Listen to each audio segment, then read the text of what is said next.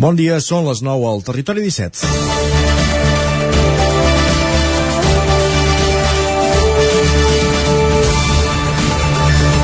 Haver-hi cues a les farmàcies. Ara, per comprar testos d'antígens i en més d'una ja s'han esgotat les existències.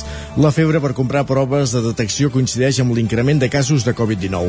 Els indicadors d'Osona i el Ripollès estan en semàfor vermell, per posar dos exemples, amb un risc de rebrot de 1.304 i 2.241 punts, respectivament. Del total de PCR i testos d'antígens que es fan actualment a totes les dues comarques, un 15% dona positiu, triplicant el llindar del 5% a partir del qual l'OMS considera que la pandèmia està descontrolada. Les autoritats sanitàries avisen, a més a més, que la sisena onada pot continuar enrabiant-se a causa de la variant Omicron, en principi menys virulenta que la Delta, però amb més capacitat de propagació, i estudien si s'apliquen noves mesures restrictives a partir d'aquesta setmana, a les portes dels retrobaments de Nadal. El que molts ja no faran és el sopar d'empresa. Des de la restauració admeten que s'han multiplicat les cancel·lacions i és que el repunt de contagis a l'atenció primària frega la saturació i els hospitals pugen cada dia els pacients Covid. Segons les dades del Consorci Hospitalari de Vic, ara mateix a Osona consten una, en consten una vuitantena de pacients, 40 a l'Hospital Universitari, 12 dels quals a la unitat de cures intensives, 33 a l'Hospital Universitari del Santa, de la Santa Creu i 7 més al Sant Jaume de Manlleu. L'increment de malalts ha portat la direcció a ajornar les proves amb sedació i les operacions no urgents que posteriorment requereixen quedar-se a l'hospital, ja que el personal mèdic i infermer que les porta a terme és justament el més expert per atendre pacients Covid en estat greu o amb respiració assistida. I una bona notícia és que les persones vacunades que arriben a la planta recuperen bé i se'ls dona a l'alta força ràpid, de manera que hi ha rotació de llits a l'hospital i per això des de l'administració es trucarà també aquesta setmana als majors de 60 anys perquè es posin la tercera dosi de la vacuna. Divendres hi havia 180.000 cites disponibles a tot el país. És divendres 20 de desembre de 2021 i recuperem la cantarella que tants cops hem sentit en el darrer any i mig, i és que si una cosa hem après d'aquesta pandèmia és que el seu control depèn de massa variables que costa que vagin alineades. Comença el Territori 17 a la sintonia de la veu de Sant Joan, Ràdio Cardedeu, Ona Codinenca, Ràdio Vic, el 9 FM i el 9 TV. Territori 17, amb Isaac Moreno i Jordi Sunyer.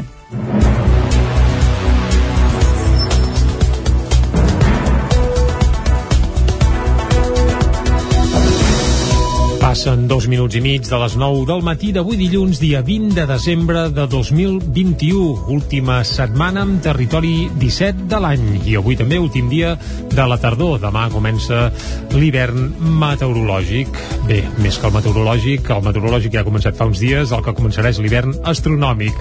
I ara de seguida el que farem per arrencar, com sempre, és fer un repàs a l'actualitat de les nostres comarques. Les comarques del Ripollès, Osona, el Moianès i el Vallès Oriental. Després, un cop hàgim fet uh, tot el repàs informatiu, ho farem durant la primera hora, anirem a actualitzar de nou uh, les notícies i tindrem entrevista, com sempre avui, Isaac, cap on anirem? Avui anirem fins a una codinenca de, amb companyia de la Caral Campàs, parlarem amb Josep Puigdomènec, membre de Càritas Caldes. Ens parlarà de l'habitatge social que han tirat endavant a l'ermita del Remei. Més endavant, a dos quarts d'onze, arribarà el moment de les piulades i fer un repàs al 99.cat. Després, taula de redacció i avui, com que és dilluns, repassarem com els ha anat esportivament parlant al cap de setmana els equips del nostre territori. Correcte. Arribarem al punt de les 11 amb més notícies i després els solidaris. Amb Eloi Puigferrer, avui per parlar-nos de Sant Tomàs. Des de Ràdio Vic, recordem-ho, exacte. Exacte. I a la darrera mitja hora del programa serà el moment d'anar a la R3, com sempre a la Trenc d'Alba, i acabarem avui, Isaac, fent tertúlia esportiva, mm -hmm. amb un element que posarà d'acord els tres tertulians habituals de cada setmana. Ferran, mira que, mira que costa, mira que costa, mira que costa, eh? Però, però clar, tenint en compte que és de Sant Julià i en tenim un que és del Madrid però que viu a Sant Julià. Uh, eh, fins la temporada passada era el capità de l'Espanyol B i tenim un perico i clar, i això els agrada allò... i també tenim un barcelonista Exacte, perquè ens hem d'enganyar els agrada treure pit als pericos quan algú ve de la seva, de la seva escola i resulta que va obrir el marcador eh, aquest Exacte. passat dissabte eh? és que aquest xicot, eh, aviam si encara l'haurem de portar un dia aquí eh? ah, aviam, si vol venir estaria bé, estaria bé molt bé, doncs mentre no tenim en Ferran Juclà el que sí que tindrem ara mateix és el repàs a l'actualitat de les comarques de casa nostra ja ho sabeu, les comarques del Ripollès Osona, el Moianès i el Vallès Oriental.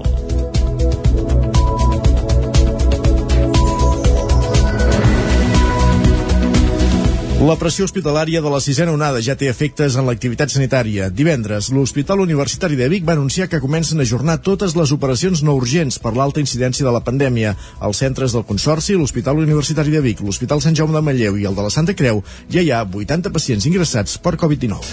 En un comunicat que es va fer públic divendres, des del Consorci Hospitalari de Vic asseguren que fins ara s'havia pogut compaginar l'atenció a la Covid amb la resta de l'activitat, però l'elevat nombre de pacients que en els darrers dies han ingressat a l'hospital ha fet fet que hagin de començar a reprogramar tota l'activitat no urgent.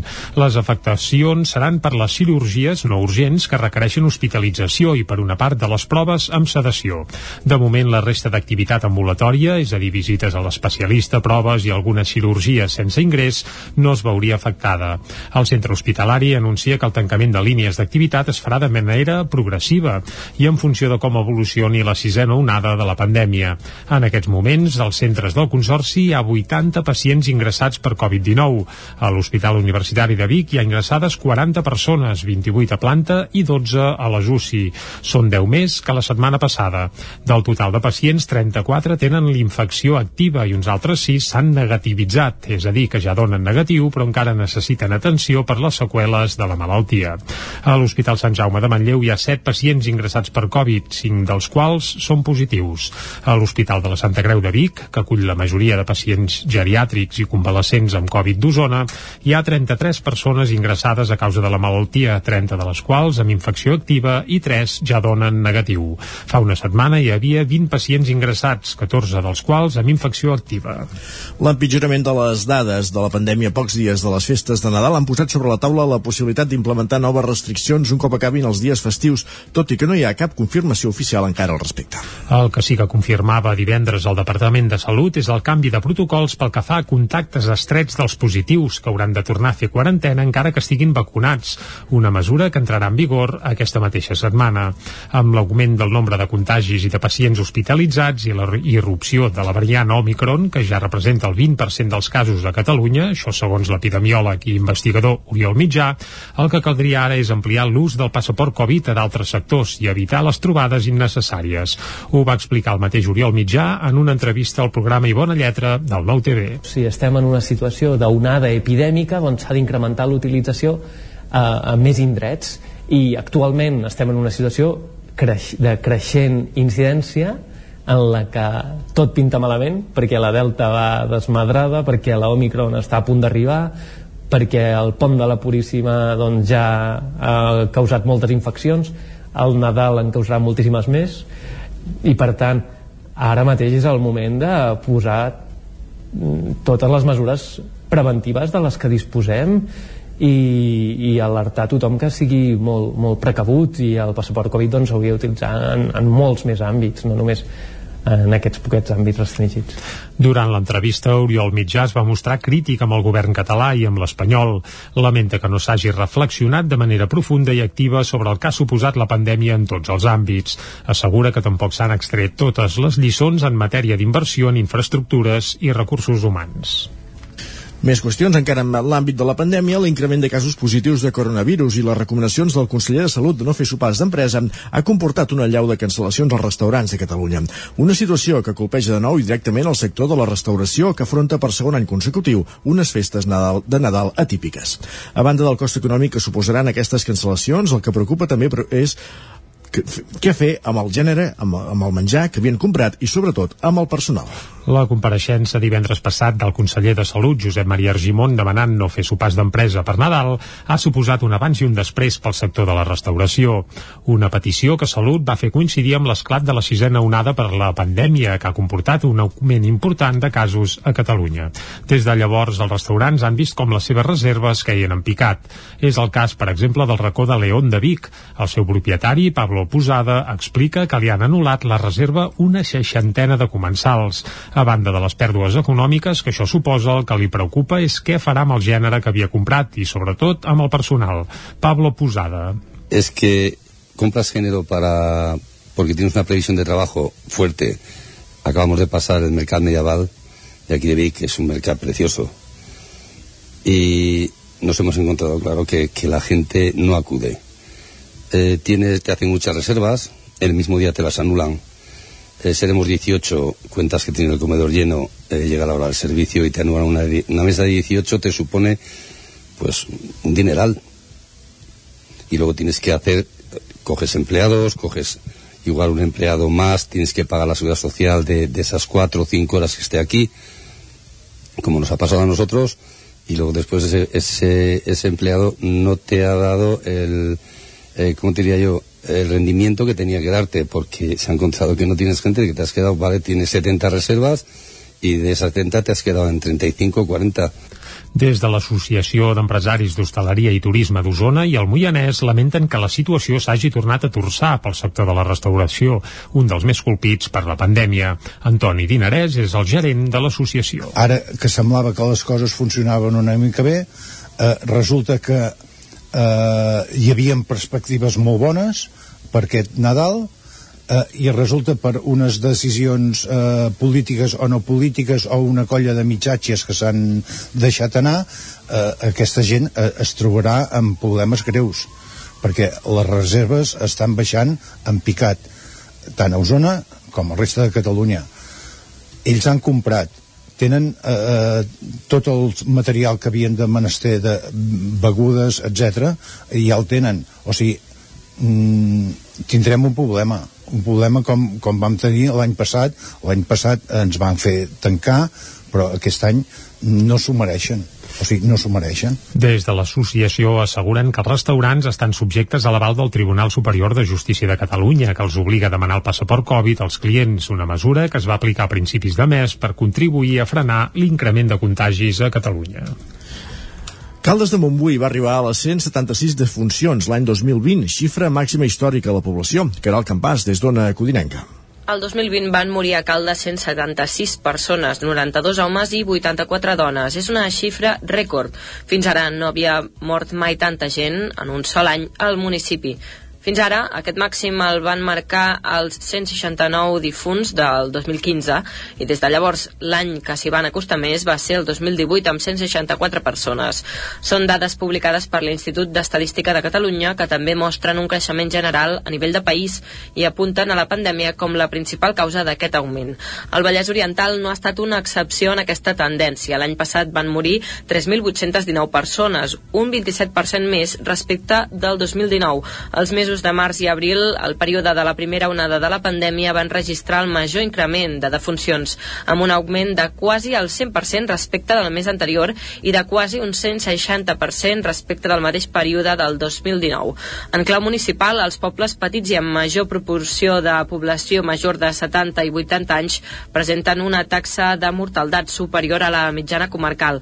Per sexes, els percentatges es van repartir i per edats gairebé la meitat de les defuncions al Vallès Oriental Oriental van ser persones de 85 anys o més. Un incendi al càmping de Centelles va acabar cremant la nit de divendres cinc caravanes i els seus complements. Els bombers de la Generalitat van rebre l'avís pels vols d'un quart de nou del vespre i van treballar-hi sis dotacions. En el servei també hi va intervenir la policia local. El foc, que no va causar ferits, es va donar per controlat una hora més tard, quan faltaven 5 minuts per tres quarts de 10 del vespre. Per ara es desconeixen les causes que haurien originat el foc. L'acord del govern de la Generalitat i en Comú Podem pels pressupostos del 2022 inclou la finalització de l'Institut Escola Mestre Andreu de Sant Joan de les Abadesses. Isaac Muntades, des de la veu de Sant Joan. L'acord entre el govern de la Generalitat de Catalunya i en Comú Podem per aprovar els pressupostos del 2022 inclou la finalització de l'Institut Escola Mestre Andreu de Sant Joan de les Abadeses, un pas endavant que és una molt bona notícia ja que l'acord estableix la priorització d'aquesta inversió, estudiant abans la seva viabilitat i programant-ne l'execució. Cal recordar que l'any 2018 es va inaugurar l'edifici de secundària de l'escola La Coromina del Bac i que en el seu moment el Departament d'Educació va prometre que primer s'hi traslladaria l'ESO i després l'infantil i primària. A canvi, l'Ajuntament havia urbanitzat el Solà i l'havia cedit al mateix departament. Per ara també farà 3 anys el projecte es va estroncar perquè amb el canvi de govern l'ensenyament va canviar els criteris i el centre es va quedar a mitges. El primer esborrany de pressupostos al centre no hi apareixia, tanmateix amb aquest acord s'obre un nou horitzó. L'Ajuntament de Sant Joan ha empès molt perquè reactivés amb mocions aprovades per unanimitat al ple del consistori, el Consell d'Alcaldes i el alcaldesses i el Consell Comarcal. A més, amb la força i credibilitat que generava aquest consens, l'equip de govern liderat per l'alcalde Ramon Roquer s'ha reunit amb diversos grups de l'oposició els darrers mesos, que sempre s'han mostrat favorables a la construcció de la part de l'escola que faltava. L'alcalde Roquer ho explica així. El Partit Socialista, amb molt bon criteri, va ja incorporar una esmena en els pressupostos per instar el govern doncs, que impulsés aquest projecte. També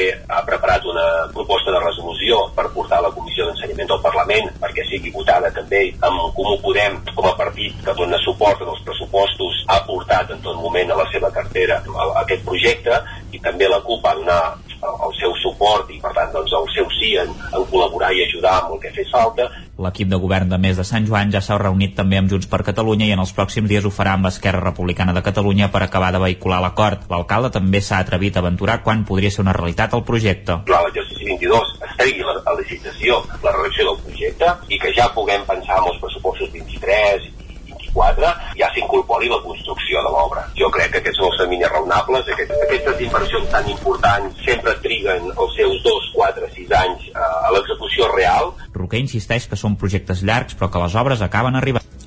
El cap de l'oposició, exministre, Salvador Illa, de la Roca del Vallès i exalcalde de la Roca, també s'ha proclamat aquest cap de setmana nou primer secretari del PSC, Núria Lázaro, des de Ràdio Televisió de Cardedeu. La presidenta del Congrés, Marta Ferrés, ha ratificat l'elecció d'Illa per aclamació i ha explicat que dins del termini establert no s'havia presentat cap aspirant més. La seva proclamació ha vingut acompanyada de la proposta d'una nova executiva que inclou cinc viceprimeres secretàries que tindrà una presència important de càrrecs locals de tot el territori i que s'ha votat aquest diumenge al mateix Congrés Extraordinari del PSC. Miquel Iceta serà el president del partit i Núria Marín la vicepresidenta. Elia Tortolero serà la portaveu i secretària de Comunicació. Francesc Trillas es manté com a secretari d'Economia i Hisenda i Raül Blanco com a secretari d'Indústria, Energia i Transició Digital.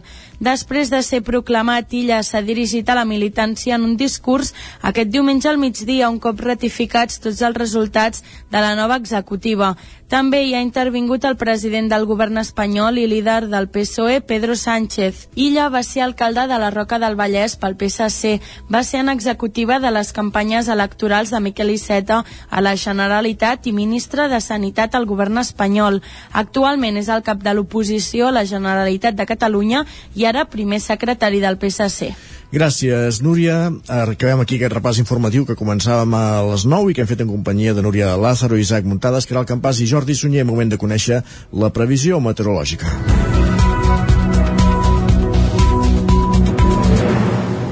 I per donar-nos a conèixer ja ens espera en Pep Acosta. Casa Terradellos us ofereix el temps. Un Pep Acosta, aquí ja saludem de seguida. Molt bon dia, Pep. Hola, molt bon dia. I molt bona hora. Benvingut a l'Espai del Temps. Gràcies. Tu, home, benvingut. Ara, ara. Coses interessants a dir d'aquesta setmana. Va. Uh, bueno, millor que- d'aquest cap de setmana. Uh Mhm. -huh. uh, hem passat l'últim cap de setmana de, de tardor. Correcte. L'últim cap de setmana complet de tardor. Uh -huh.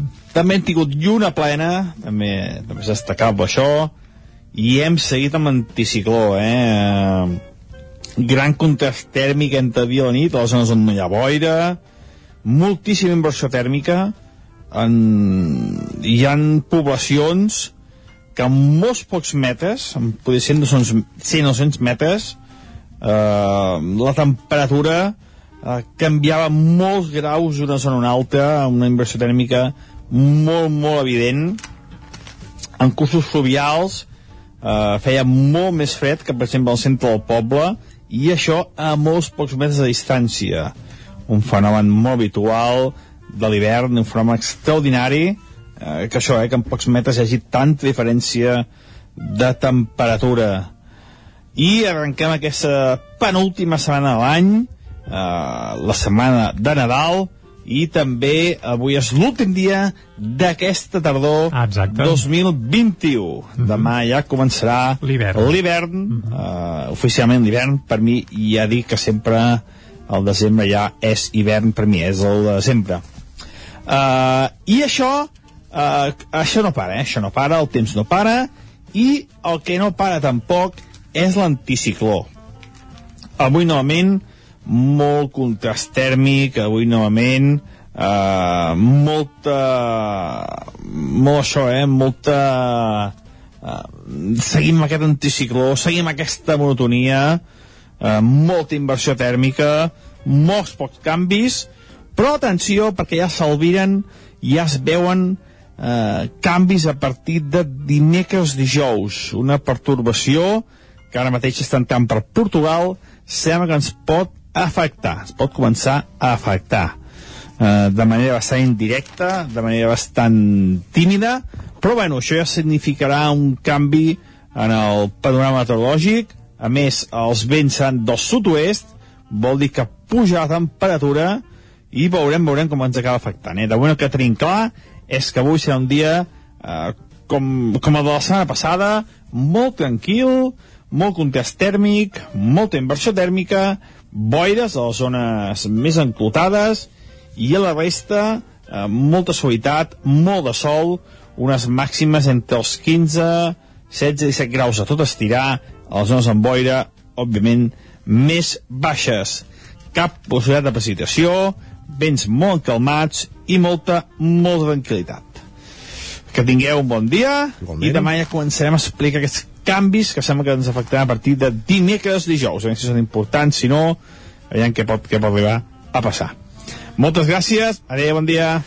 Gràcies a tu. Ah, bon dia. exacte, gràcies a tu, Pep. Veurem què passa el dia de Nadal, ara, doncs, ja. Ah. Ah. Molt expectativa. Ja, la setmana passada ens ho va alertar, eh, que encara hi havia anticicló per dies, però que de cara a Nadal eh, s'acostaven canvis. Veurem. No sé si volia dir això del naixement del nen, Je- però em sembla que eren meteorològics. Eh? Ja estarem al cas, Vols dir evidentment. que anirà 2022 anys enrere, aquest home, no? Uh, vés a saber. Va, anem no pas 22.000 anys enrere, ni, ni 2.000, sinó anem endavant i anem a fer un cop d'ull a les portades de la premsa d'avui. Va. Casa Tarradellas us ha ofert aquest espai. Doncs per conèixer les portades entrem al quiosc. I com que som dilluns, aquesta ullada al quiosc la comencem amb el 9-9 i arrenquem amb l'edició d'Osona i el Ripollès de color vermell que obre explicant que les farmàcies esgoten els testos d'antígens a pocs dies de les festes de Nadal. L'augment de positius i la voluntat d'evitar contagis en els àpats familiars en dispara la venda. Això s'apunta a la portada del 9-9. La fotografia és per una farmàcia eh, amb uns cartells que diuen esgotats els tests d'antígens. Això apareix a una farmàcia a la portada del 9-9 i també un apunt eh, a l'espera de noves mesures contra la Covid. Ja és possible que aquesta setmana hi hagi novetats en aquest sentit. Més eh, coses que apareixen a la portada del 9-9. 10 anys baixant les teies a GURB. GURB va reviure aquest dissabte al vespre la baixada de teies des del cim de la Creu, una tradició que ha arribat a la desena edició. I també colors originals a l'estació de Vic, la façana de l'estació de tren de Vic, doncs finalment, després d'uns quants mesos de sotracs i obres, doncs ha recuperat una mica la seva esplendor original. I afegir també que avui el 9-9 inclou l'edició, el suplement de, del Moianès i també el, la primera entrega del dossier de- d'empreses de, de, les, de les comarques d'Osona, el Ripollès i el, i el Moianès. I que, a més a més, a la propera edició del 9-9 sortirà dijous. Carai. Uh, això també surt Amb els números de la loteria. amb els números de la loteria, exacte. Aquesta setmana, entre d'altres, també toca loteria de Nadal la, la Ibèrica, eh? I anem cap a l'edició del Vallès Oriental, que també té un raconet per dir la propera edició del 9-9 es publica aquest dijous en lloc de divendres, també amb motiu de la loteria, però a part d'això també apareix que una dona de 47 anys, Amela, exerceix el seu dret a l'eutanàsia a casa seva a l'Ametlla del Vallès. L'opció de l'eutanàsia la va ajudar a viure millor, explica el seu marit, Maurici Romero, en una crònica al 9-9. Noruega, campiona del món d'handbol a Granollers. Recordem que fa uns dies que Granollers, Granollers era la capital mundial de l'handbol femení. Ahir es va fer a la final i qui va guanyar va ser Noruega. Uh, pessebres de carn i ossos a la Torreta, a Corró i a Palau Tordera. Un altre punt que apareix a la portada del 9-9 del Vallès Oriental i és que al Vallès Oriental ja han començat els primers uh, pessebres vivents. Anem cap a les portades d'àmbit nacional. Isaac, i comencem, si et sembla, pel punt avui que parla de la nova televisió. Aquest és el titular principal i aquesta nova televisió bàsicament fa referència que les plataformes en streaming ja manen a l'hora de consumir sèries i pel·lícules, és a dir, que han superat les televisions, entre cometes, convencionals, si més no, a l'hora de veure cinema i sèries. M'ho dius, m'ho cuentes, que diria aquell, no? Bueno, ho apunta al punt avui, doncs nosaltres ens en fem ressò. La fotografia és per Pedro Sánchez i eh, l'exalcalde de la Roca del Vallès. I diuen, pròxim objectiu, la Generalitat. Van fer una festa aquest cap de setmana els socialistes catalans i bé, l'autoestima sembla que la tenen a dalt de tot, eh? El ràpid abans de la Covid posa el Nadal en quarantena, un altre titular que apareix a la portada del punt avui. Anem cap a l'ara. Illa, dos punts. No ens dividiran per la llengua. El PSC s'erigeix com el partit de la Catalunya un sol poble, això entre cometes, amb la intenció d'arribar a governar la fotografia per la Marató contra l'estigma, la Marató que es va fer ahir a la televisió nacional i que va recollir de moment més de 9 milions d'euros, una autèntica uh, bestiesa, i tant que sí. A part, amb un raconet sí rotund dels socis, els 1.500 milions de l'espai Barça. Això també apareix a la portada de l'Ara. Ràpidament anem cap al periòdico. Illa llança el PSC a governar la Catalunya d'un sol poble. Aquest d'un sol poble, entre cometes... Va fer furor, això, eh? Sí, es veu que sí. El nou primer secretari agafa les regnes del partit amb una profunda renovació. Mm, això, segons el periòdico, evidentment. Després, la fotografia de la portada del periòdico. Per caos a les voreres. Què passa a les voreres de Barcelona? Doncs que estan plenes de motos. En comptes de vianants, el que hi ha doncs, són motos aparcades de qualsevol manera. I això ho denuncien a l'edició del periòdico d'avui. Anem cap a l'avantguàrdia. Obrim cometes, cal evitar alces de salaris que converteixin la inflació en estructural. Això ho diu Nàdia Calviño, la vicepresidenta primera i ministra d'Afers Econòmics del govern espanyol, que no vol que pugin els salaris, perquè segons ella això voldria dir que pugin els preus també, com si ja no pugessin sols. Però Exacte. vaja. En tot I- cas, eh, fem-ho al revés, que no pugin els preus, no? Eh, Bé, uh, va, un altre titular. Espanya només evitarà mesures dures si accelera la tercera dosi i Sánchez avala el sentit comú del PSC en la polèmica del català. I amb un minutet farem un repàs a les portades que s'editen des de Madrid. El país, els ingressos per Covid en planta i UCI es tripliquen en només un mes. Això és el principal titular del país. A la Razón, el PP crea un comitè assessor amb la crisi amb Ayuso, ves per on. A l'ABC, eh, el titular principal, el bloc de dretes acaba l'any amb una majoria consolidada, això evidentment segons, segons l'ABC, i amb una fotografia on hi ha Bascal i Casado allà així a primer pla, i acabem fent un cop d'ull rapidíssim a El Mundo, que titula Sánchez evidencia la falta d'un pla B davant l'auge de contagis, i la fotografia per la festa que va fer el PSC aquest cap de setmana, on també va ser, evidentment, Pedro Sánchez. Perfecte, Jordi. Arribem aquí al punt... Falten 3 minuts per dos quarts, fem una pausa i tornem. Fins ara. El nou FM, la ràdio de casa, al 92.8. Això és el que s'escolta al voltant d'una caldera saunia d'Oval. Tranquilitat i benestar, perquè gaudeix del millor manteniment del servei tècnic oficial per estar despreocupat. O el que vulgui. Informis a Oficiat Nord trucant al 938860040. Saunia d'Oval, sempre al seu costat. Amb Pradell estalvio energia i cuido la meva butxaca i el medi ambient. Posa't en mans de Pradell, són experts en calderes de gas i condensació, estufes de pèl·let, energia solar, terres radiants i geotèrmia. Pradell instal·la calderes de biomassa per a particulars i per a empreses. Si vols estalviar un 50% en consum, contacta amb Pradell i passa't a les energies renovables. Pradell, som a l'Avinguda Països Catalans 27 de Vic. Telèfon 93 885 1197. Pradell.cat. El racó de León. Gaudeix de la nostra terrassa. Vine a tastar les xuletilles de lechal a la brasa amb una bona amanida o el xuletón de vedella gallega. No et pots perdre el nostre lechado de Castilla al forn o el cochinillo a l'estil de Segovia. Tot acompanyat del millor celler, al menjador o fora la terrassa. Descobreix la millor cuina de lleó sense moure't de casa. Vine amb la família, els amics, la parella o sol. T'encantarà. El racó de León, cuina tradicional lleonesa i de mercat. Som al carrer Torelló número 35 de Vic. Per reserves, telèfon 93 889 1950. El racó de León, una cuina diferent. Som especialistes en cargols a la llauna. Vine a tastar-los al racó de León. Piscines en export. Disseny, garantia, qualitat. Excavacions en export, excavacions i moviments de terres, enderrocs i murs de pedra natural. Piscines i excavacions en export. Som a l'Atmella del Vallès.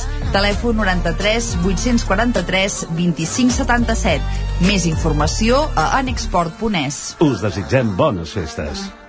A tu, que t'interessa el consum responsable, Virunga és la teva botiga. A Virunga estem treballant amb marques eco-friendly. A Virunga mirem pel medi ambient i la sostenibilitat del planeta. Som comerç local i ajudem a vertebrar la ciutat. Compra amb responsabilitat. Virunga, el teu concept store. Al carrer Verdaguer 19 de Vic. Unga, unga, Virunga.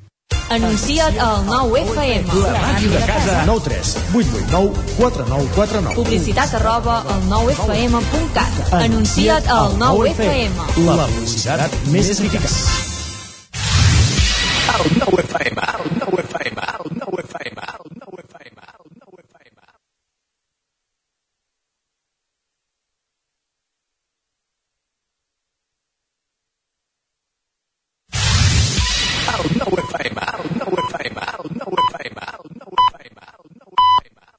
En punt ara mateix, dos quarts de deu. Territori 17, amb Isaac Moreno i Jordi Sunyer.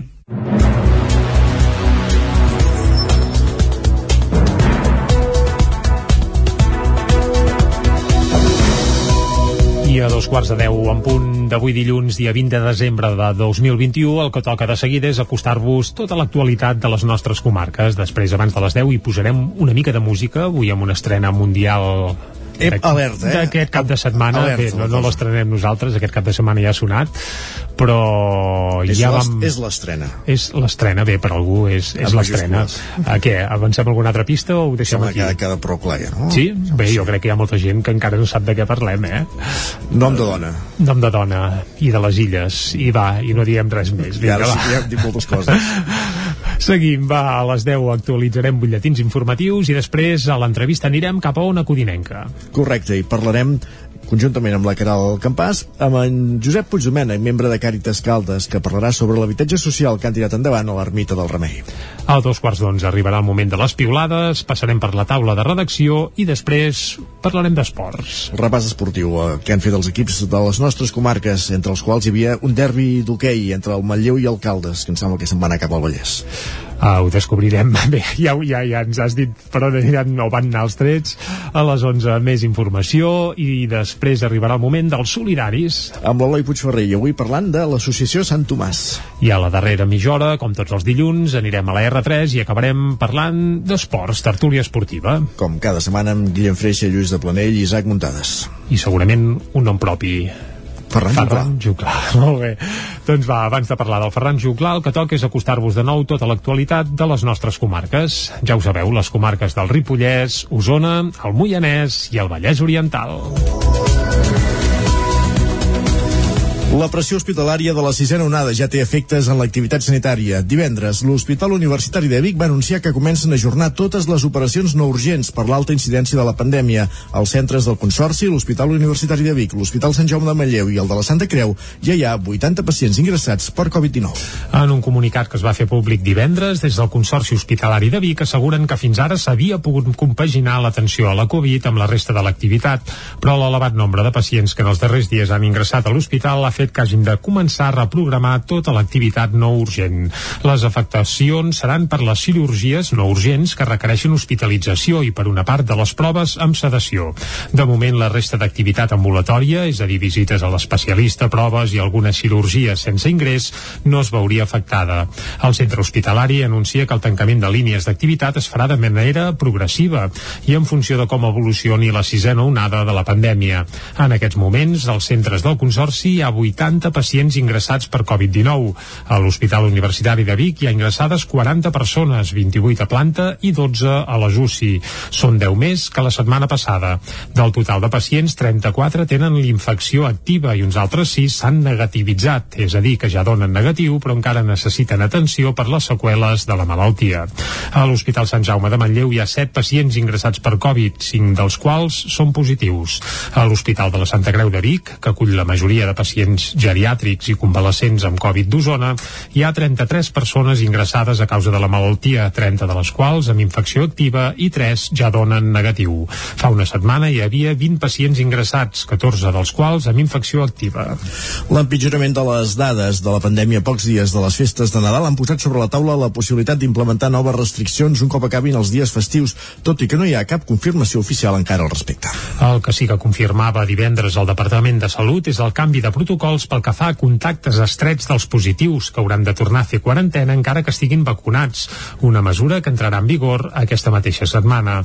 Amb l'augment del nombre de contagis i de pacients hospitalitzats i la irrupció de la variant Omicron, que ja representa el 20% dels casos a Catalunya, això segons l'epidemiòleg i investigador Oriol Mitjà, el que caldria ara és ampliar l'ús del passaport Covid a d'altres sectors i evitar les trobades innecessàries. Ho va explicar el mateix Oriol Mitjà en una entrevista al programa I Bona Lletra del Nou TV. Si estem en una situació d'onada epidèmica, doncs s'ha d'incrementar l'utilització a, a més indrets i actualment estem en una situació creix, de creixent incidència en la que tot pinta malament perquè la Delta va desmadrada perquè la Omicron està a punt d'arribar perquè el pont de la Puríssima doncs, ja ha causat moltes infeccions el Nadal en causarà moltíssimes més i per tant ara mateix és el moment de posar totes les mesures preventives de les que disposem i, i alertar tothom que sigui molt, molt precabut i el passaport Covid doncs s'hauria d'utilitzar en, en molts més àmbits, no només en aquests poquets àmbits restringits. Durant l'entrevista, Oriol Mitjà es va mostrar crític amb el govern català i amb l'espanyol. Lamenta que no s'hagi reflexionat de manera profunda i activa sobre el que ha suposat la pandèmia en tots els àmbits. Assegura que tampoc s'han extret totes les lliçons en matèria d'inversió en infraestructures i recursos humans. Més qüestions encara en l'àmbit de la pandèmia, l'increment de casos positius de coronavirus i les recomanacions del conseller de Salut de no fer sopars d'empresa ha comportat una llau de cancel·lacions als restaurants de Catalunya. Una situació que colpeja de nou directament el sector de la restauració que afronta per segon any consecutiu unes festes Nadal, de Nadal atípiques. A banda del cost econòmic que suposaran aquestes cancel·lacions, el que preocupa també és què fer amb el gènere, amb, amb el menjar que havien comprat i sobretot amb el personal. La compareixença divendres passat del conseller de Salut, Josep Maria Argimon, demanant no fer sopars d'empresa per Nadal, ha suposat un abans i un després pel sector de la restauració. Una petició que Salut va fer coincidir amb l'esclat de la sisena onada per la pandèmia, que ha comportat un augment important de casos a Catalunya. Des de llavors, els restaurants han vist com les seves reserves caien en picat. És el cas, per exemple, del racó de León de Vic. El seu propietari, Pablo Posada explica que li han anul·lat la reserva una seixantena de comensals. A banda de les pèrdues econòmiques que això suposa, el que li preocupa és què farà amb el gènere que havia comprat i sobretot amb el personal. Pablo Posada. Es que compras género para porque tienes una previsión de trabajo fuerte. Acabamos de pasar el mercado medieval de aquí de Vic, que es un mercado precioso. Y nos hemos encontrado claro que, que la gente no acude eh, tienes, te hacen muchas reservas, el mismo día te las anulan. Eh, seremos 18 cuentas que tiene el comedor lleno, eh, llega la hora del servicio y te anulan una, mesa de 18, te supone pues un dineral. Y luego tienes que hacer, coges empleados, coges igual un empleado más, tienes que pagar la seguridad social de, esas cuatro o cinco horas que esté aquí, como nos ha pasado a nosotros, y luego después ese empleado no te ha dado el, eh, ¿cómo te diría yo? el rendimiento que tenía que darte, porque se ha encontrado que no tienes gente, que te has quedado, vale, tienes 70 reservas i de esas 70 te has quedado en 35 o 40. Des de l'Associació d'Empresaris d'Hostaleria i Turisme d'Osona i el Moianès lamenten que la situació s'hagi tornat a torçar pel sector de la restauració, un dels més colpits per la pandèmia. Antoni Dinarès és el gerent de l'associació. Ara que semblava que les coses funcionaven una mica bé, eh, resulta que eh, hi havia perspectives molt bones per aquest Nadal eh, i resulta per unes decisions eh, polítiques o no polítiques o una colla de mitjatges que s'han deixat anar eh, aquesta gent eh, es trobarà amb problemes greus perquè les reserves estan baixant en picat tant a Osona com a resta de Catalunya. Ells han comprat tenen eh, eh, tot el material que havien de menester de begudes, etc i ja el tenen. O sigui mm, tindrem un problema. Un problema com, com vam tenir l'any passat. L'any passat ens van fer tancar però aquest any no s'ho mereixen o sigui, no s'ho mereixen Des de l'associació asseguren que els restaurants estan subjectes a l'aval del Tribunal Superior de Justícia de Catalunya, que els obliga a demanar el passaport Covid als clients, una mesura que es va aplicar a principis de mes per contribuir a frenar l'increment de contagis a Catalunya. Caldes de Montbui va arribar a les 176 defuncions l'any 2020, xifra màxima històrica a la població. Caral Campàs, des d'Ona Codinenca. El 2020 van morir a Caldes 176 persones, 92 homes i 84 dones. És una xifra rècord. Fins ara no havia mort mai tanta gent en un sol any al municipi. Fins ara, aquest màxim el van marcar els 169 difunts del 2015 i des de llavors l'any que s'hi van acostar més va ser el 2018 amb 164 persones. Són dades publicades per l'Institut d'Estadística de Catalunya que també mostren un creixement general a nivell de país i apunten a la pandèmia com la principal causa d'aquest augment. El Vallès Oriental no ha estat una excepció en aquesta tendència. L'any passat van morir 3.819 persones, un 27% més respecte del 2019. Els mesos de març i abril, el període de la primera onada de la pandèmia, van registrar el major increment de defuncions, amb un augment de quasi el 100% respecte del mes anterior i de quasi un 160% respecte del mateix període del 2019. En clau municipal, els pobles petits i amb major proporció de població major de 70 i 80 anys presenten una taxa de mortaldat superior a la mitjana comarcal.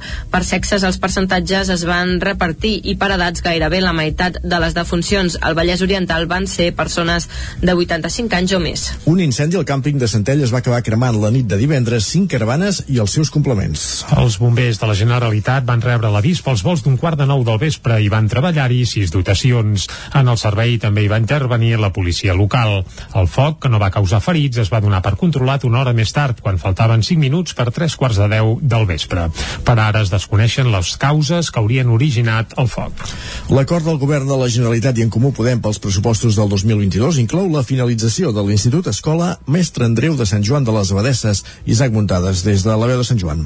L'acord entre el govern de la Generalitat de Catalunya i en Comú Podem per aprovar els pressupostos del 2022 inclou la finalització de l'Institut Escola Mestre Andreu de Sant Joan de les Abadeses, un pas endavant que és una molt bona notícia ja que l'acord estableix la priorització d'aquesta inversió, estudiant abans la seva viabilitat i programant-ne l'execució. Cal recordar que l'any 2018 es va inaugurar l'edifici de secundària de l'escola La Coromina del Bac i que en el seu moment el Departament d'Educació va prometre que primer s'hi traslladaria l'ESO i després l'infantil i primària. A canvi, l'Ajuntament havia urbanitzat el solar i l'havia cedit al mateix departament. Per ara també farà 3 anys el projecte es va estroncar perquè amb el canvi de govern l'ensenyament va canviar els criteris i el centre es va quedar a mitges. Al primer esborrany de pressupostos el centre no hi apareixia, tanmateix amb aquest acord s'obre un nou horitzó. L'Ajuntament de Sant Joan ha empès molt perquè reactivés amb mocions aprovades per unanimitat al ple del consistori, el Consell d'Alcaldes i Alcaldesses i el Consell Comarcal. A més, amb la força i credibilitat que generava aquest consens, l'equip de govern liderat per l'alcalde Ramon Roquer s'ha reunit amb diversos grups de l'oposició els darrers mesos, que sempre s'han mostrat favorables a la construcció de la part de l'escola que faltava. L'alcalde Roquer ho explica així. El Partit Socialista, amb molt bon criteri, va ja incorporar una esmena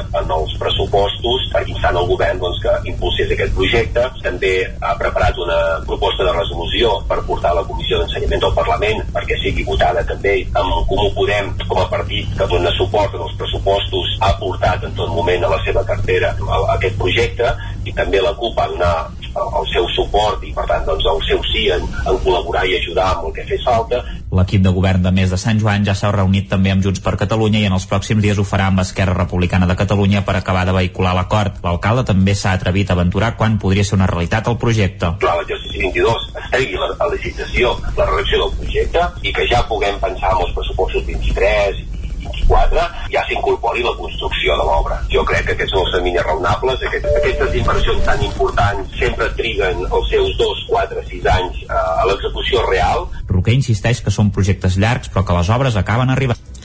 El cap de l'oposició, exministre, Salvador Illa, de la Roca del Vallès i exalcalde de la Roca, també s'ha proclamat aquest cap de setmana nou primer secretari del PSC, Núria Lázaro, des de Ràdio Televisió de Cardedeu. La presidenta del Congrés, Marta Ferrés, ha ratificat l'elecció d'Illa per aclamació i ha explicat que dins del termini establert no s'havia presentat cap aspirant més.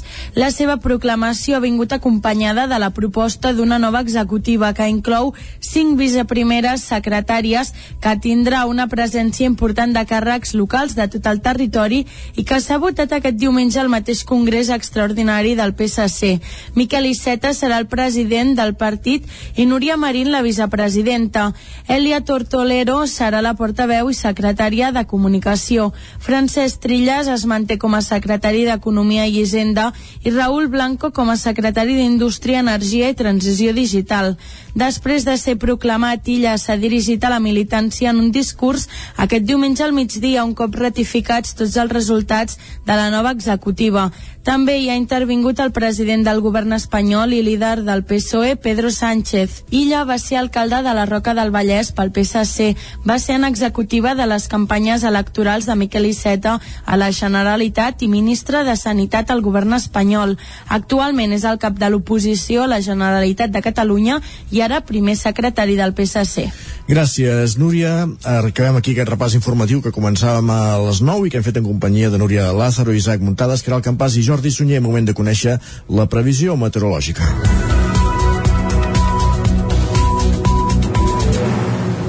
I per donar-nos a conèixer ja ens espera en Pep Acosta. Casa Terradellos us ofereix el temps. Pep Acosta, aquí ja saludem de seguida. Molt bon dia, Pep. Hola, molt bon dia. I molt bona hora. Benvingut a l'Espai del Temps. Gràcies. Tu, amor, Ara, benvingut. ara. Coses interessants a dir d'aquesta setmana. Va. Uh, bueno, millor que- d'aquest cap de setmana. Uh -huh. uh, hem passat l'últim cap de setmana de, de tardor. Correcte. L'últim cap de setmana complet de tardor. Uh -huh. També hem tingut lluna plena, també, també és destacable això. I hem seguit amb anticicló, eh? Gran contrast tèrmic entre dia i la nit, a les zones on no hi ha boira, moltíssima inversió tèrmica, en, hi han poblacions que en molts pocs metres, en podria ser 100-200 metres, eh, la temperatura eh, canviava molts graus d'una zona a una altra, amb una inversió tèrmica molt, molt evident. En cursos fluvials eh, feia molt més fred que, per exemple, al centre del poble, i això a molts pocs metres de distància. Un fenomen molt habitual de l'hivern, un fenomen extraordinari, eh, que això, eh, que en pocs metres hi hagi tanta diferència de temperatura. I arrenquem aquesta penúltima setmana de l'any, eh, la setmana de Nadal, i també avui és l'últim dia d'aquesta tardor exacte. 2021. Demà ja començarà L'hivern. l'hivern eh, oficialment l'hivern per mi ja dic que sempre el desembre ja és hivern per mi, és el de sempre uh, i això uh, això no para, eh? això no para el temps no para i el que no para tampoc és l'anticicló avui novament molt contrast tèrmic avui novament uh, molta molt això, eh? molta uh, seguim aquest anticicló seguim aquesta monotonia uh, molta inversió tèrmica molts pocs canvis però atenció perquè ja s'albiren ja es veuen eh, canvis a partir de dimecres dijous una pertorbació que ara mateix està entrant per Portugal sembla que ens pot afectar es pot començar a afectar eh, de manera bastant indirecta de manera bastant tímida però bueno, això ja significarà un canvi en el panorama meteorològic a més els vents seran del sud-oest vol dir que puja la temperatura i veurem, veurem com ens acaba afectant. Eh? De moment el que tenim clar és que avui serà un dia eh, com, com el de la setmana passada, molt tranquil, molt contrast tèrmic, molta inversió tèrmica, boires a les zones més enclotades i a la resta eh, molta suavitat, molt de sol, unes màximes entre els 15, 16 i 17 graus a tot estirar, a les zones amb boira, òbviament, més baixes. Cap possibilitat de precipitació, vents molt calmats i molta, molta tranquil·litat. Que tingueu un bon dia Igualment. i demà ja començarem a explicar aquests canvis que sembla que ens afectaran a partir de dimecres, dijous. A veure si són importants, si no, veiem què pot, què pot arribar a passar. Moltes gràcies, adéu, bon dia. Gràcies a tu. Ah, exacte, gràcies a tu, Pep. Veurem què passa el dia de Nadal, ara, doncs. Ja, Ah. ah. molt expectativa. Ja la setmana passada ens ho va alertar, eh, que encara hi havia anticicló per dies, però que de cara a Nadal eh, s'acostaven canvis. Veurem. No sé si volia dir això del naixement del nen, Je- però em sembla que eren meteorològics, eh? ja estarem al cas, Vols dir evidentment. que anirà 2022 anys enrere, aquest home, no? Uh, vés a saber. Va, anem no pas 22.000 anys enrere, ni, ni 2.000, sinó anem endavant i anem a fer un cop d'ull a les portades de la premsa d'avui. Va. Casa Tarradellas us ha ofert aquest espai. Doncs per conèixer les portades entrem al quiosc. I com que som dilluns, aquesta ullada al quiosc la comencem amb el 9-9 i arrenquem amb l'edició d'Osona i el Ripollès de color vermell que obre explicant que les farmàcies esgoten els testos d'antígens a pocs dies de les festes de Nadal. L'augment de positius i la voluntat d'evitar contagis en els àpats familiars en dispara la venda. Això s'apunta a la portada del 9-9. La fotografia és per una farmàcia eh, amb uns cartells que diuen esgotats els tests d'antígens. Això apareix a una farmàcia a la portada del 9-9 i també un apunt eh, a l'espera de noves mesures contra la Covid. Ja és possible que aquesta setmana hi hagi novetats en aquest sentit.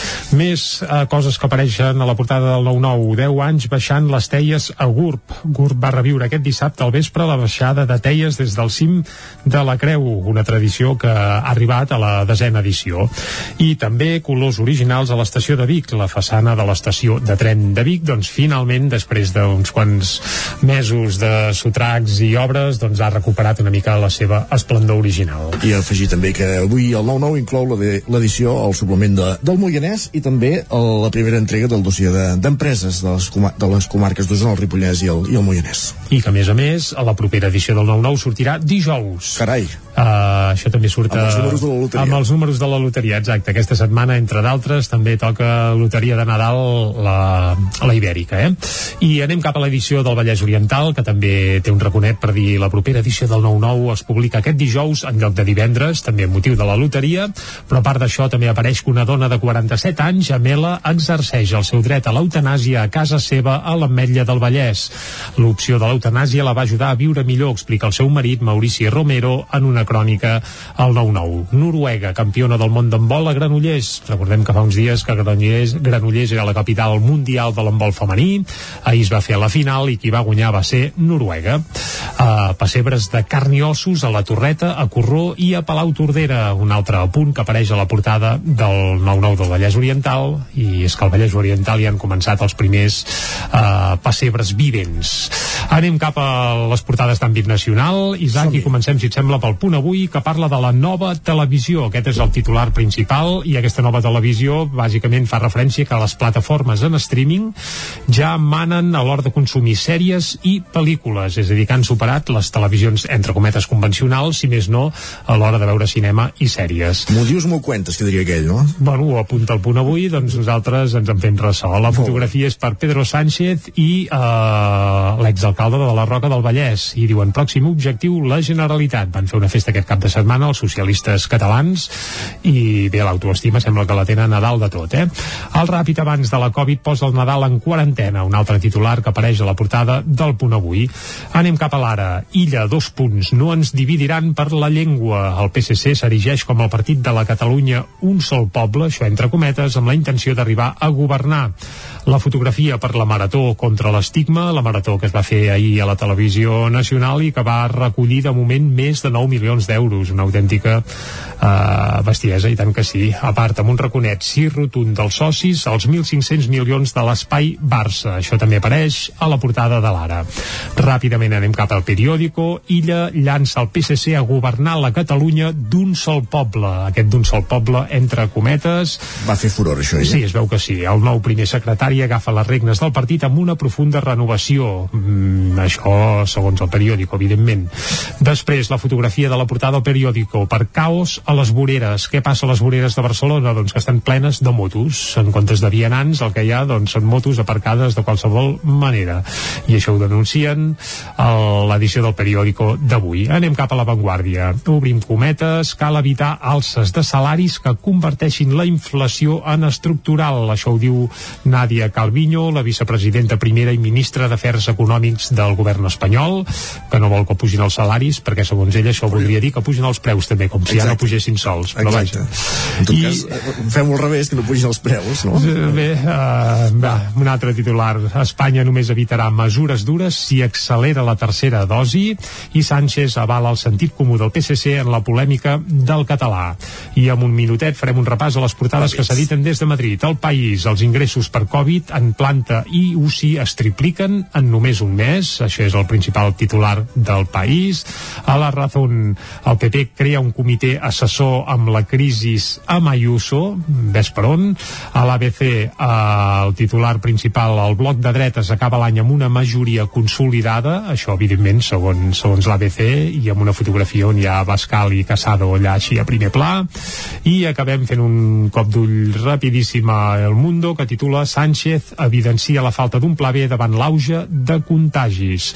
I la fotografia per la festa que va fer el PSC aquest cap de setmana, on també va ser, evidentment, Pedro Sánchez. Com no podia ser d'altra manera, clar. Esclar, esclar, sí, sí. L'amo gros... Uh... Bé, a veure com, com responia el partit a Catalunya. A Catalunya, correcte. Deixem-nos de política i de PSC parlem de i parlem de música, uh, perquè hi ha alguna música que ens agermana. Uh, amb qui? Home, amb la resta dels països catalans. Ah. Home. Sí, home, sí. Estem parlant, bé, molta gent ja ho heu endevinat, perquè abans hem donat pistes i, eh, a més, ja n'havíem parlat alguna altra vegada aquí a Territori 17, i és que l'any 2022, eh, culturalment, doncs una de les notícies que ens portarà serà el retorn d'Antònia Font, un retorn que en principi semblava que seria només per nostàlgics, allò tro tornaran a fer un bolo de Greatest Hits pel Primavera Sound, pim-pam-pum, i d'allò potser en faran dos, doncs bé, al final en faran uns quants més de concerts, perquè tocaran el Primavera Sound, però també tocaran a les Illes, també tocaran al Palau Sant Jordi de Barcelona, això serà a, a la tardor, i a més a més no vindran a fer només un repertori allò de Greatest Hits i grans èxits, sinó que tornaran amb disc nou i aquest cap de setmana eh, ja han donat a conèixer una de les peces que inclourà aquest nou disc i aquesta és la peça que escoltarem avui aquí a Territori 17 eh, té un títol així Antònia Font perquè clar, la gent que ja està situada i que coneix una mica l'univers peculiar d'aquests mallorquins ja sap que a nivell de lletres sí, a nivell de lletres són com a mínim diguem-ne que originals i diferents. Uh, la peça que presentaran o que ja s'ha donat a conèixer aquest cap de setmana es diu Un minut estroboscòpica tal com són, eh? Un minut estroboscòpica. Dura més d'un minut, la peça en dura no té, gairebé no, no té res a veure amb la mirada estràbica de no, no, no, no, no, no. Bàsicament parlen una mica... Bé, és una cançó tot nostàlgica, on, entre cometes, justifiquen una mica el seu retorn, ho fan tot plegat també amb un videoclip eh, així curiós, amb una tele de quatre terços, d'aquelles d'abans, eh, bé, les teles que hi havia quan tocaven els Antònia Font, ras i curt, i com sempre té aquest to de, desenfadat i divertit i la veritat és que bé, que és ADN Antònia Font 100%. Aquesta és una de les peces que, que han avançat bé, de moment l'única peça que han avançat, però sí que està claríssim que a principis del 2022, segurament al mes de març, apareixerà un nou disc eh, llarga durada d'Antònia Font amb tot de peces noves per tant els concerts de reaparició dels mallorquins seran no només per escoltar Greatest Hits sinó també eh, per escoltar material nou Algun de previst del territori 17? No, encara no. No, el, de moment no només faran, sembla, uh, grans concerts i això vol dir que, bé, uh, escenaris amb menys de 10.000 persones de moment no n'han plantejat cap. Això és anti-Covid, eh? Ai, bé, sí, Covid. Bé, ja es veurà, ja es veurà. Jo crec que comptaven que l'any que ve la cosa ja fluixés tant que ja s'hi valgués tot, però no són només els Antonio Font que juguen a aquesta lliga. Recordem que els Grasses també tancaran una gira amb 10 concerts, tots multitudinaris. De... Tant de bo l'any que ve, creuem dits, doncs es puguin fer aquests concerts amb tot de, tota normalitat i ara sí, va, un minut estroboscòpica fins al punt de les 10 aquí a Territori 17.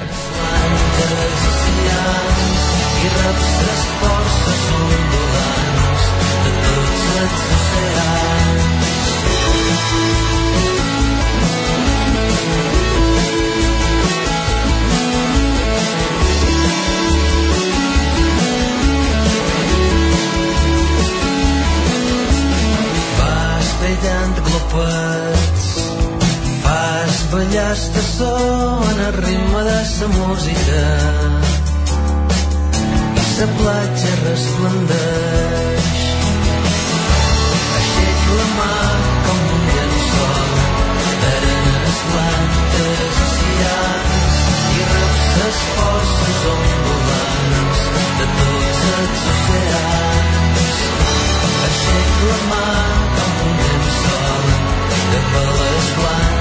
blanques nuclears i veig un cosmos arreglat de plantes i animals.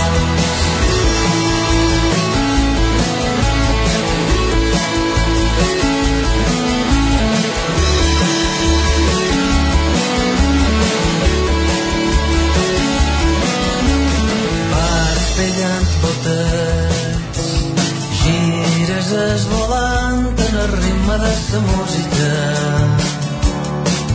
i sa llum us invadeix. Aixec la mà com un llençol d'arenes blanques i cians i rep ses forces ondulants de tots els oceans.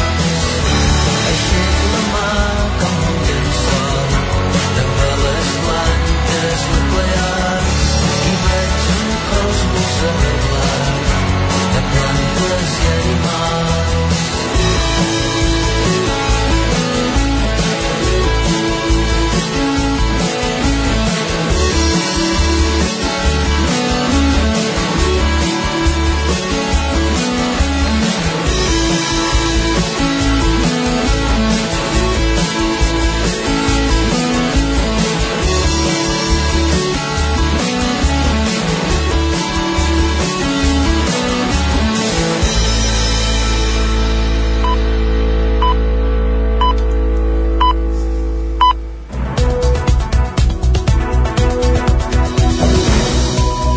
aquesta hora, com cada dia, al Territori 17 és moment de posar-nos al dia d'actualitzar les notícies de les nostres comarques, no el Ripollès, Osona, el Moianès i el Vallès Oriental, i ho fem en connexió amb les diferents emissores que cada dia fem possible aquest programa. La veu de Sant Joan, Ona Codinenca, Ràdio Cardedeu, Ràdio Vic, el 9 FM i el 9 Vist per sentència, el judici a Roger Aguayo a l'Audiència de Barcelona, tant la Fiscalia com els Mossos d'Esquadra, presumptament lesionats en el tall de carretera de la C-25 el 21 de febrer de 2019, han mantingut les penes de presó que demanaven per l'acusat. La petició de la Fiscalia ascendeix a un any de presó per atemptat a l'autoritat. Els agents dels Mossos demanen 4 anys de presó per atemptat a l'autoritat i, a més, desordres públics i una multa per dos delictes lleus. La Fiscalia va definir el relat dels agents com sòlid, íntegre i seriós i alhora va posar en dubte la hipòtesi de la confusió que, segons ella, ha volgut posar en evidència la defensa de l'acusat. Per la fiscal, aquesta va quedar descartada per la declaració dels dos agents ferits. Per la seva banda, l'advocada dels Mossos també va apuntar en aquesta direcció. Va exposar que hi ha múltiples contradiccions en els testimonis proposats per la defensa de Guayo i va reiterar que l'acusat va provocar i va estar present en tot moment en la interrupció de la circulació de manera conscient i voluntària. L'advocat de Roger Aguayo va demanar una sentència absolutòria pel seu client, remarcant també les contradiccions, segons ell, en què van entrar els agents durant la seva declaració. El lletrat va defensar que Aguayo va anar a la manifestació a exercir els seus drets fonamentals i a reclamar la llibertat dels presos polítics. Durant la darrera sessió del judici, Roger Aguayo va fer ús del torn final de paraula per defensar la seva innocència. El desdoblament de la línia R3 en el tram Vic-Centelles o les protestes contra la inseguretat són alguns dels temes que preocupen la delegació del govern espanyol a Catalunya. El seu subdelegat, Carles Prieto, ha visitat Osona i ha concedit una entrevista al 9-9 i al 9TV. Carles Prieto és el subdelegat del govern espanyol a Barcelona des del juny del 2019 i dilluns va ser a Osona per participar en diverses juntes de seguretat. Durant la seva visita a la comarca va fer parada al 9-9 i al 9TV on va ser entrevistat. Va parlar d'una de les grans demandes d'Osona al govern estatal, el desdoblament de la línia R3. Prieto assegura que la finalització del desdoblament en el tram que va de Parets a la Garriga s'encadenarà amb el de Vic a Centelles. Aquesta és la idea. Està en el pla de Rodalia 2020-2030, que coordina Pere Macías. Um, L'estudi de la licitació ja està convocat, per tant és un pas imprescindible. Sense l'estudi informatiu no pot haver-hi uh, sense l'estudi informatiu, l'estudi tècnic, no pot haver-hi els següents passos. Per tant, és un primer pas decidit, és el que es va comprometre el secretari d'Estat eh, de Foment anteriorment, Pedro Saura, en diferents alcaldes de diverses comarques i ho hem complert. Prieto, que darrerament ha participat a una setantena de juntes locals de seguretat, també va parlar de les protestes que hi ha hagut darrerament a municipis d'Osona com Manlleu o Sant Quirze de Besora, que demanen més seguretat. Jo entenc la percepció d'inseguretat.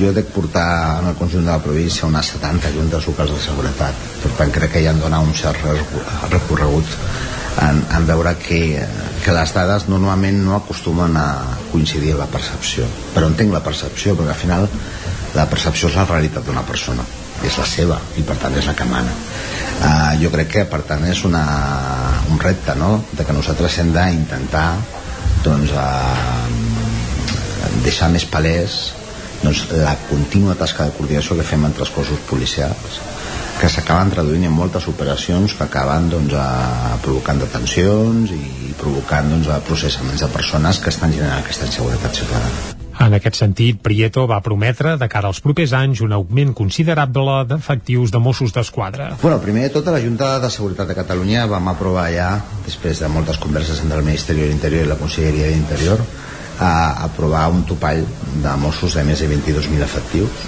Això ja significa que durant els propers anys anirà veient un important augment del rati de Mossos per habitant. Uh, això podria provocar, evidentment, doncs, que hi haguessin nous equipaments, de seguretat, com comissaries dels Mossos d'Esquadra, que en tot cas tindrà que decidir interior. Durant la seva visita a Osona, Prieto es va fotografiar a la catedral de Vic, on el govern central ha invertit prop de 2 milions d'euros. Segons el subdelegat del govern a Barcelona, aquesta és una de les inversions més altes que s'han fet a tot l'Estat en el marc de l'1,5% cultural. L'augment de l'incivisme nocturn a Ripoll porta a la creació d'una taula de seguretat, a l'increment d'efectius a les nits i caps de setmana i a un reforç de seguretat privada a les zones d'oci nocturn al barri vell. Isaac Muntades, des de la veu de Sant Joan. L'augment de l'incivisme i de les baralles nocturnes a Ripoll va desencadenar que es fes una reunió a la seu de l'UIER el passat dimecres per tractar aquesta problemàtica. A la trobada van participar-hi comerciants, restauradors, persones afectades per l'incivisme, membres dels cossos de la policia local i els Mossos, el president de Ripoll Comerç, Josep Forcada, la regidora de Seguretat de l'Ajuntament d'Olès Vilalta i la DIL de Comerç Manoli Vega. De la reunió se'n van extreure una sèrie de propostes que s'aplicaran en els pròxims dies i mesos. En primer lloc, cada mes es reunirà una taula de seguretat amb els cossos policials i representants dels diferents sectors per fer seguiment dels actes incívics. El cap de la policia local, Josep Pàrrega, va insistir en que la majoria d'actes incívics són perpetrats per menors d'edat i són bretolades, ja que no s'ha arribat a límits d'inseguretat com el de Vic o Olot, segons va apuntar. Per augmentar la seguretat hi haurà una patrulla de la policia local al centre de la vila a les tardes. De fet, Pàrrega va explicar què vol dels seus agents perquè els botiguers se sentin més segurs. De tindre persones als barris, sempre les mateixes, perquè coneguin pues, tota la problemàtica que hi ha, si estan pel centre coneixeran a tots els botiguers. El que nosaltres desitgem i volem és que eh, el policia no sigui el policia que volta i no diu res. Jo que vull, com a cap de policia, i així ho he transmet, és que el que han de fer els meus agents és entrar a les botigues. O sigui, quan estàs passejant, entres i hola, bon dia, bona nit, bona tarda, què fem, tot va bé, no, hem d'estar proper al ciutadà. Si, si passes per allà i no t'hi veuen, no t'han vist. Si entres a dins, s'han donat compte, veuen que estàs allà i segurament que disminuiria una mica tot el que és el tema d'aquesta inseguretat. També es preveu continuar amb les patrulles conjuntes de Mossos d'Esquadra i de policia local les nits del cap de setmana i vigílies de festius i reforçar-les amb dos agents més, a més de fer un suport de seguretat privada puntual a la zona d'oci nocturn del barri vell en moments de gran afluència, que ja s'ha fet en actes puntuals. Bàrrega va dir que la majoria d'aquestes accions ja es feien durant el confinament nocturn per evitar les trobades per veure i recorda que la gent jove té ganes de sortir i que pot ser que cridin i veguin més del compte, però que no hi ha actes tan greus. La policia també farà una campanya adreçada als comerços recordant la prohibició de vendre alcohol a menors i un servei de control de drogues mitjançant vigilància canina. També va dir que sí que es ven droga a Ripoll, així tot no té una sensació d'increment. Perquè com a mínim la gent quan ens veien amb el gos el que feien era corrien. Si corrien és perquè portaven alguna cosa. Repeteixo, els WhatsApp va molt bé però a tot ens perjudica perquè quan comencem amb, el gos a fer patrullatge automàticament no veus ningú pel carrer. Si tu parles amb la gent tothom et diu que sí perquè a la que veus dos, dos persones amb un gorro posat i que un li dona una altra cosa a l'altre ja, ja ha trepitgeu. Que hi ha droga, sí, que, que es ven droga a Ripoll, pues sí, clar que es ven. Consumidor, sí. Pàrrega va insistir en que cal anar contra el peix gros i no tant contra el traficant del carrer més petit. D'altra banda, es vol activar el sistema de Drac Alert, que permet comunicar a través del telèfon mòbil una situació d'emergència directament a la policia mitjançant la plataforma informàtica Drac. Això ja s'havia fet en el seu moment, però només s'hi havien inscrit uns 5 comerços i ara se'n farà campanya. Pàrrega va reiterar que la ciutadania, si veu alguna cosa, els ha de trucar perquè d'aquesta manera tenen més ulls. Ara mateix, al cos de la policia local hi ha 15 agents, a partir del gener hi haurà dos caporals i el cap de la policia local. Gràcies, Isaac. Passen 20 minuts de les 10. Aprofundirem en aquesta qüestió a la taula de redacció, com aprofundirem en la qüestió que us expliquem tot seguit a l'entrevista. La rectoria de l'ermita del Remei de Caldes de Montbui acollirà 5 persones en situació de vulnerabilitat, convertint-se així en un habitatge destinat a aquest ús. Caral Campàs, des d'Ona Codinenca. La rectoria de l'Ermita del Remei acollirà temporalment dues famílies en situació de vulnerabilitat. Una parella amb tres fills que fins ara vivia en una sola habitació i una parella sense fills que fins ara estava en situació d'ocupació. En total, set persones que hi entraran a viure durant els pròxims dies. El pis, que està situat a la primera planta de la rectoria, compta amb una petita cuina, un menjador, diverses habitacions i una sala d'estudi. Fa 10 anys que no hi viu ningú des que va marxar mossèn Bernat Martorell. L'allotjament serà temporal fins a un màxim de dos anys o fins que les famílies siguin autònomes. Sentim Núria Núñez, tècnica de Càritas. Per, per un temps eh, específic, no? que es pot allargar una mica però que d'entrada és un temps eh, relativament breu, que intenta ser el, el paraigües, la base, per poder respondre a altres necessitats sense l'angoixa de saber si podran pagar l'habitació a la que estan relogats o que no els treguin perquè estan en situació d'ocupació, etc. Càritas Caldes, sota el paraigües de Càritas Diocesana de Terrassa, ha tirat endavant el projecte amb el suport de l'Ajuntament Calderí per tal d'adjudicar els habitatges i escollir les persones que hi viurien ho han fet a través d'una taula d'adjudicació. Núria Núñez. Llavors, això ja eh, any vistes, doncs, amb la col·laboració de la Maria Carmen Pastor, que és la, la, la cap de programa de, de Càritas Diocesana en temes de sense llar i habitatge, eh, que és qui ha assessorat molt, doncs, ha acompanyat molt el, tot el procés.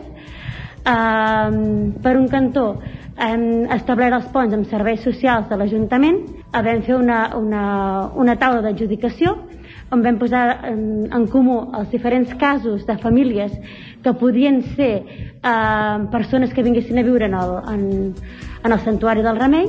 Durant la presentació d'aquest projecte d'habitatge social assequible es va beneir el pis amb la presència de diversos representants institucionals. Mossèn Xavier Blanco, rector de Caldes, va explicar que el projecte va començar el 2018 gràcies a un missatge del papa Francesc sobre la necessitat d'acollir i protegir els refugiats. I anem ara a Cardedeu perquè el Cinema Esbarjo ha acollit aquesta setmana passada l'inici de la prova pilot del cicle Gaudí de Cinema amb alumnes de secundària. Núria Lázaro, des de Ràdio Televisió de Cardedeu. A què consistia la prova? Cardedeu és un dels municipis on l'Acadèmia del Cinema Català, de la mà de la Fundació Grífols i Lucas, du a terme una prova pilot en el marc del cicle Gaudí, el circuit estable de projecció de cinema català. Es tracta d'un projecte educatiu adreçat a l'alumnat de secundària que té com a finalitat donar valor a l'ús de l'audiovisual com a context d'aprenentatge. 300 alumnes de segon d'ESO i de primer de batxillerat dels instituts Pla Marcell, Manel Raspai i el Suí han estat partícips d'aquesta prova pilot que ha tingut lloc dimecres 15 i dijous 16 al cinema Esbarjo.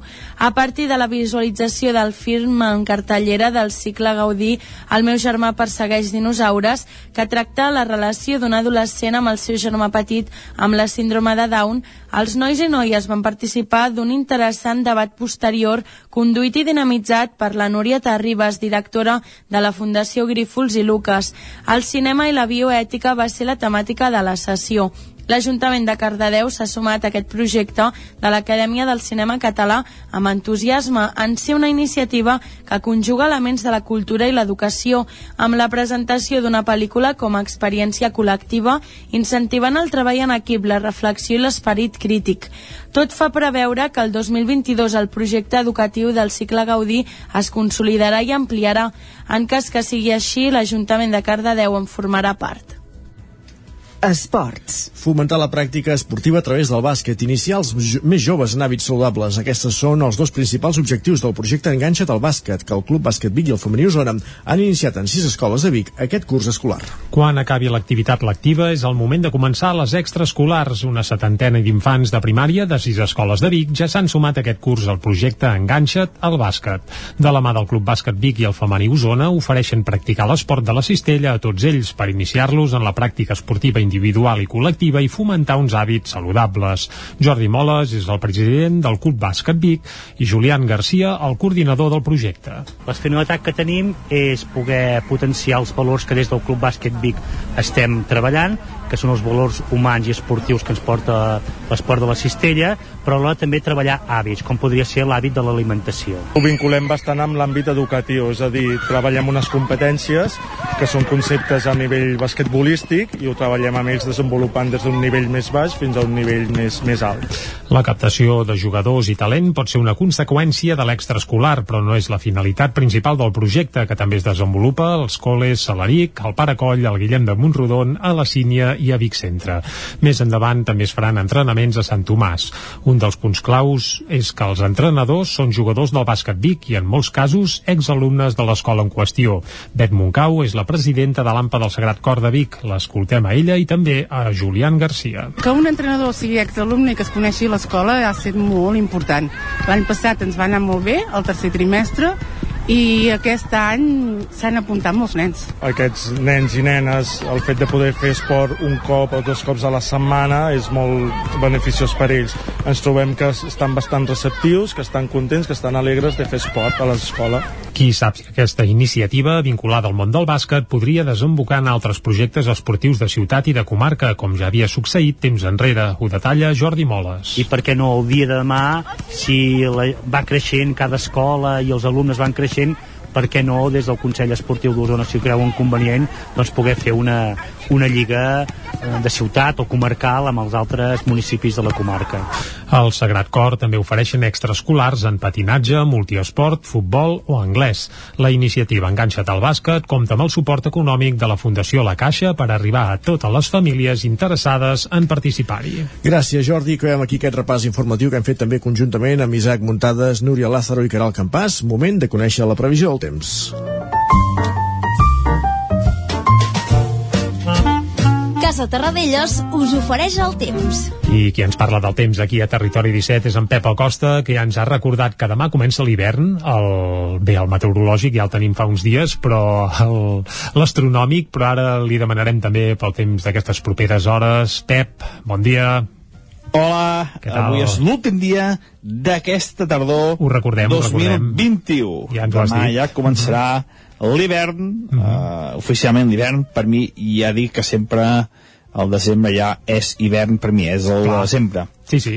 Uh, I això, uh, això no para, eh? això no para, el Doncs temps vinga, no para, i el que no para tampoc és l'anticicló. Avui novament, molt contrast tèrmic, avui novament, uh, molta... molt això, eh? Molta... Uh, seguim aquest anticicló, seguim aquesta monotonia, uh, molta inversió tèrmica, molts pocs canvis, però atenció, perquè ja s'albiren, ja es veuen eh, canvis a partir de dimecres dijous. Una pertorbació que ara mateix està entrant per Portugal, sembla que ens pot afectar, es pot començar a afectar eh, de manera bastant indirecta, de manera bastant tímida, però bueno, això ja significarà un canvi en el panorama meteorològic, a més, els vents seran del sud-oest, vol dir que puja la temperatura i veurem, veurem com ens acaba afectant. Eh? De moment el que tenim clar és que avui serà un dia eh, com, com el de la setmana passada, molt tranquil, molt contrast tèrmic, molta inversió tèrmica, boires a les zones més enclotades i a la resta eh, molta suavitat, molt de sol, unes màximes entre els 15, 16 i 17 graus a tot estirar, a les zones amb boira, òbviament, més baixes. Cap possibilitat de precipitació, vents molt calmats i molta, molta tranquil·litat. Que tingueu un bon dia i demà ja començarem a explicar aquests canvis que sembla que ens afectaran a partir de dimecres, dijous. A veure si són importants, si no, veiem què pot, què pot arribar a passar. Molt bé. Moltes gràcies, fins demà. Adéu, bon dia. Bon dia, Pep, bon dia. Ja ho veus, eh, Isaac, s'acosten canvis. Doncs estarem a l'expectativa. Anem cap a l'entrevista. Anem-hi, va. Casa Tarradellas us ha ofert aquest espai. Territori 17. Envia'ns les teves notes de veu per WhatsApp al 646 079 023. 646 079 023. WhatsApp Territori 17.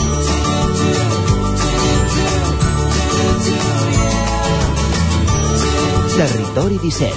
Som a Facebook, Twitter i Instagram amb l'usuari Territori 17.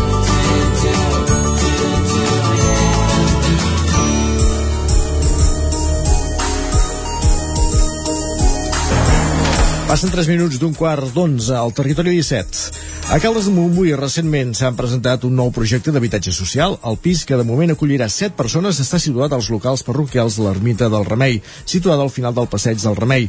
Anem cap a una codinenca amb la Caral Campàs. Bon dia, Caral.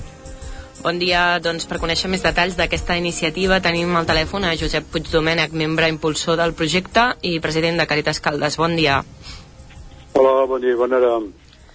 Com va sorgir aquesta iniciativa? Per què us veu decidit no, a tirar endavant el projecte? Bueno, això va ser mm, mossèn Xavier Blanco, que és el rector de Caldes. Eh, una mica va... La, la idea va venir de l'any 2018, el papa, en el dia de l'em- de l'emigrant, va, va demanar que es fes, diríem, un, una, una ajuda als immigrants. Ell va, va, va dir-ho amb, amb, amb la paraula acollir, protegir, promoure i integrar. Aleshores, eh, fruit d'aquesta idea, va anar madurant i va, es va proposar a Càritas que la, la casa del Remei, o la, la, la rectoria del Remei, que feia doncs, una colla d'anys que no, que no s'hi habitava, doncs eh, pogués, eh, diríem, seguint una mica les directrius del papa francès, servir perquè doncs, algunes famílies hi poguessin estar.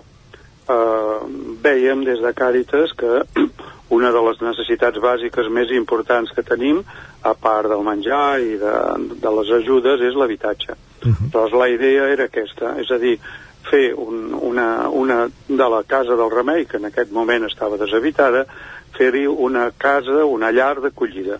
Una llar d'acollida de diferents famílies que, a part de tenir un sostre, poguessin tenir també un seguiment, un pla de seguiment, i bueno, ell això es va anar madurant, es va parlar amb Càritas Diocesana, ells ho varen trobar bé, ens han ajudat, diríem, sobretot a l'hora de fer el projecte, es va parlar amb l'Ajuntament, eh, van estar molt, molt disposats a que això tirés endavant, i mm, d'aquí ve una mica aquest treball que, que ha durat pues, quasi bé més d'un any, de condicionar la casa i sobretot de que el, la gent que hi pugui anar allà tinguin aquesta vivenda doncs, amb una certa seguretat i que això faci de trampolí. És a dir, la idea original del projecte seria que aquesta gent tinguin un, un temps, eh, una estada allà i que mm, quan surtin d'allà d'alguna manera surtin ja per poder anar a un pis normal per entendre'ns com tothom i que durant aquesta estada se'ls ajudi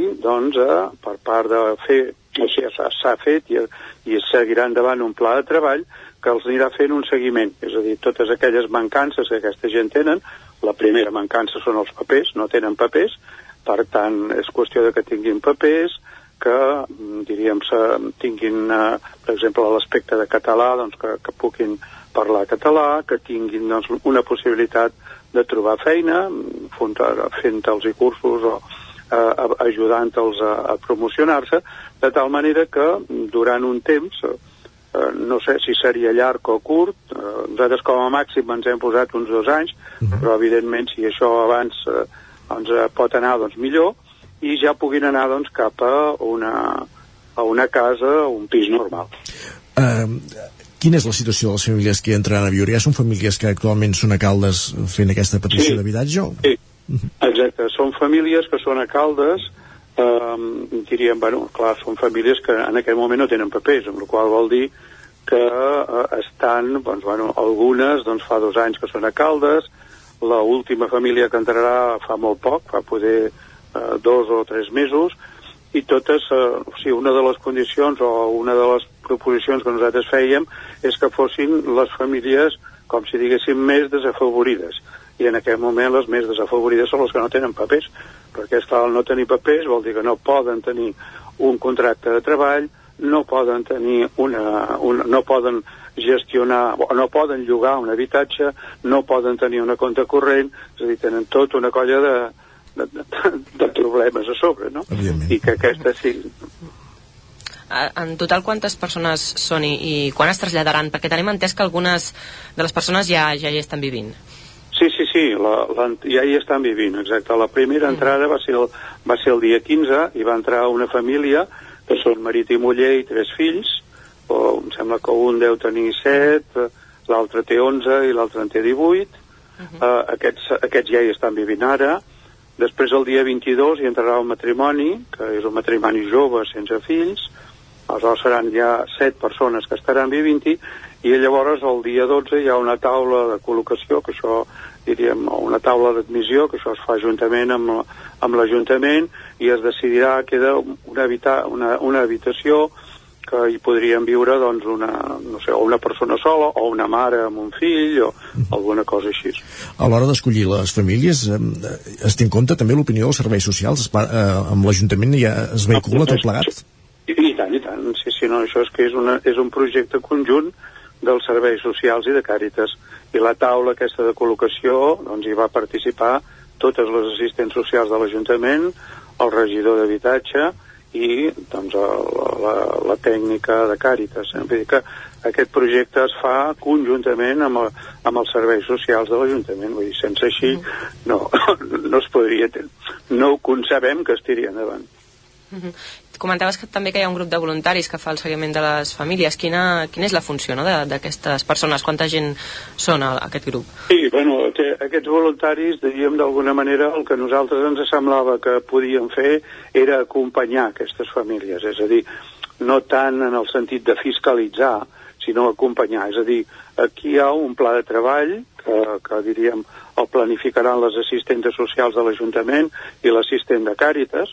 En aquest pla de treball es determinarà quines accions han d'anar emprenent perquè aquesta gent tiri endavant. I llavors la funció dels voluntaris era una mica d'ajuda, de puntal, no? És a dir, doncs que, que se'ls ajudi si tenen alguna, algunes preguntes a fer, alguna cosa de, de, de, de diríem, de, dintre del poble per, per ajudar més a integrar. Llavors hi havia la possibilitat, per exemple, doncs hi havia, tenim un cuiner, el Joan Dalmau, que els podria doncs, ajudar amb la cosa de cuina, tenim un professor d'informàtica que els pot ajudar doncs, en l'aspecte de, de funcionament de l'ordinador. Ja tenen un ordinador i tenen internet perquè puguin fer cursos. Tenim també alguns voluntaris que poden ajudar els més menuts si han de fer reforç escolar. Una mica la idea era aquesta, fer de puntal, eh, fer de suport, d'ajuda, diríem. Anem acabant, li demanem brevetat aquesta darrera resposta. Com valoreu la presentació pública del projecte que es va fer la setmana passada? Molt bé, eh? penso que va ser interessantíssima perquè hi va participar doncs, l'Ajuntament, hi va participar també el director de Càritas, l'assistent social, vull dir, important tots els mitjans que van venir i d'alguna manera la, la necessitat que tenim nosaltres d'explicar aquest projecte. Nosaltres pensem que serà un projecte que pot anar molt bé, però penso que és bo que la gent ho sàpiga i que ens ajudi d'alguna manera també en aquesta integració d'aquestes famílies. Perfecte, moltíssimes gràcies, doncs, Josep Puigdomènech, president de Càritas de Caldes, per explicar-nos aquesta iniciativa d'acollida eh, Sí. d'aquest habitatge social a l'Ermita Sí, Rei. Sí, sí, només que president sóc un voluntari més Voluntari. de Càritas. Eh? Perfecte. doncs gràcies, Josep, per ser avui amb nosaltres i explicar-nos aquesta, aquesta iniciativa. Moltes gràcies a vosaltres bon per l'oportunitat de poder-ho explicar. Bon dia. Gràcies també, Caral, per acompanyar-nos en aquesta entrevista. Parlem més tard amb el repàs de esportiu del cap de setmana. Fins després. Fins ara. I el que fem ara al Territori 17 és una petita pausa, res, 3 minuts i tornem a ser aquí amb tots vostès a partir de dos quarts d'onze, amb les piulades, amb la taula de redacció i amb la resta de continguts que tenim previstos per aquest dilluns 20 de desembre de 2021. El nou FM, la ràdio de casa, al 92.8. Cefosol, centre de formació de soldadura GURB. Som especialistes en processos de soldadura. Disposem d'instal·lacions totalment equipades per classes de teòrica i pràctica amb cabines individuals i equipaments de seguretat. Assessorem empreses i oferim cursos subvencionats i bonificats. Vine i t'informarem. Cefosol, som al carrer Sant Roc número 21 de GURB. Telèfon 664 206 192. També ens trobaràs a cefosol.com i a YouTube. Cobertes serveis funeraris. Els nostres tanatoris estan ubicats en els nuclis urbans més poblats de la comarca d'Osona per oferir un millor servei. Tanatori de Vic, Tanatori de Manlleu, Tanatori de Centelles i Tanatori de Roda de Ter. Sabem que són moments difícils i per això el nostre compromís és atendre-us en tot moment amb un tracte humà, sensible i respectuós. Cobertes serveis funeraris. Telèfon 24 hores 93 883 23 46. Ja sé com vull el nou bany. Blanc, d'estil mediterrani, fresc i funcional. Ara que també podríem aprofitar per canviar el terra del pis. Fa tant de temps que el vull renovar. A Corretja trobem el bany que millor s'adapta a tu. I si t'animes, trobem el que millor li queda a la resta de la teva llar. 100% bany. 100% Corretja.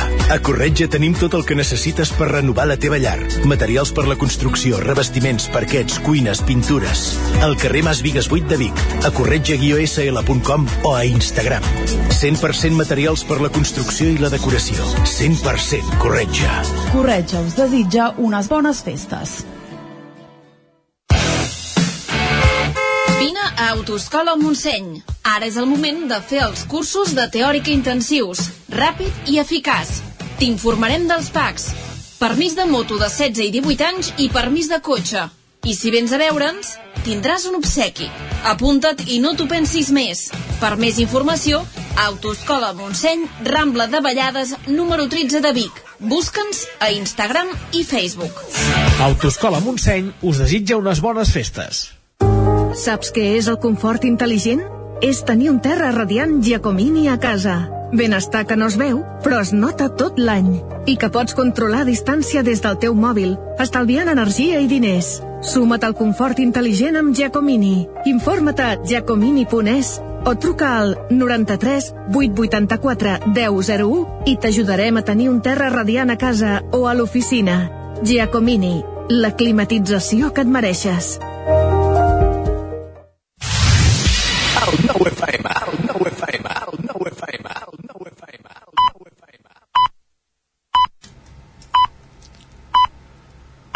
En punt, dos quarts d'onze al territori 17.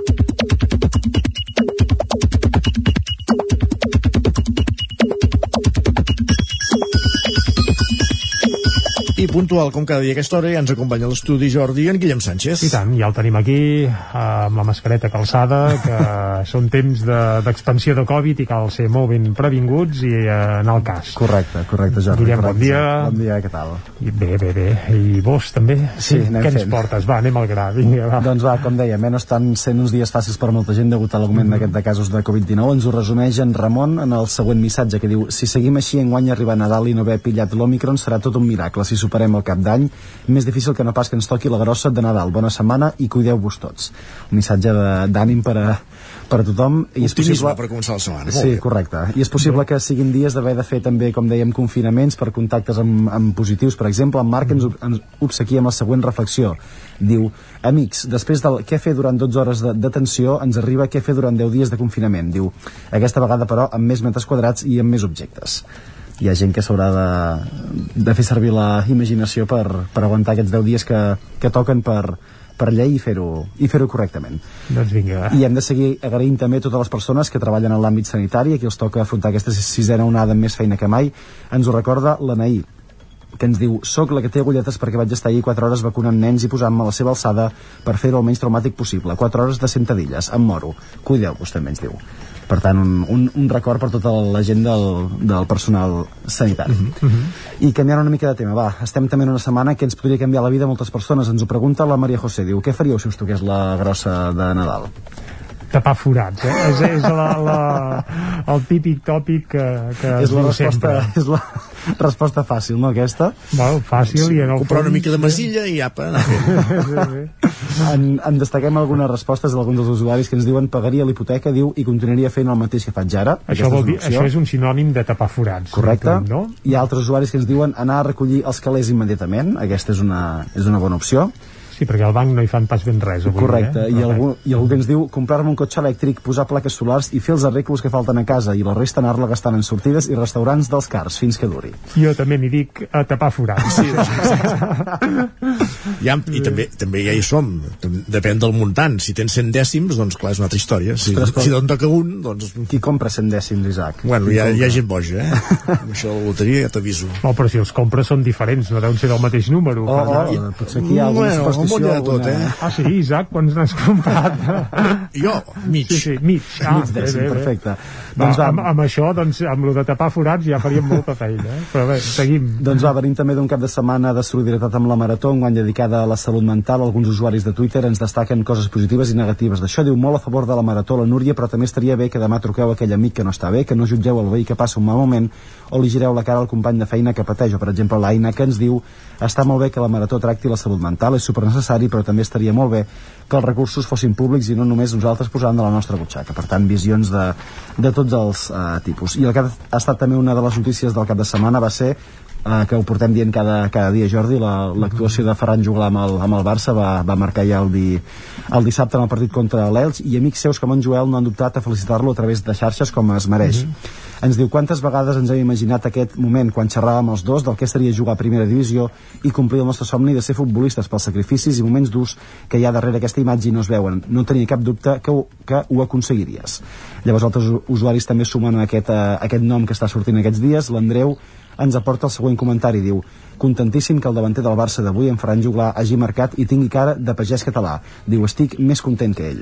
Cara de pagès català. Cara de pagès català. El pentinat no gaire, eh? Però sí, vaja. el pentinat està en la tònica dels futbolistes No del sé com segle la XXI, definiria, eh? eh? per això, Terrible. aquesta cara de, de pagès català no sé si té algun tret característic o no, però... Si Galta no. vermell, no sé.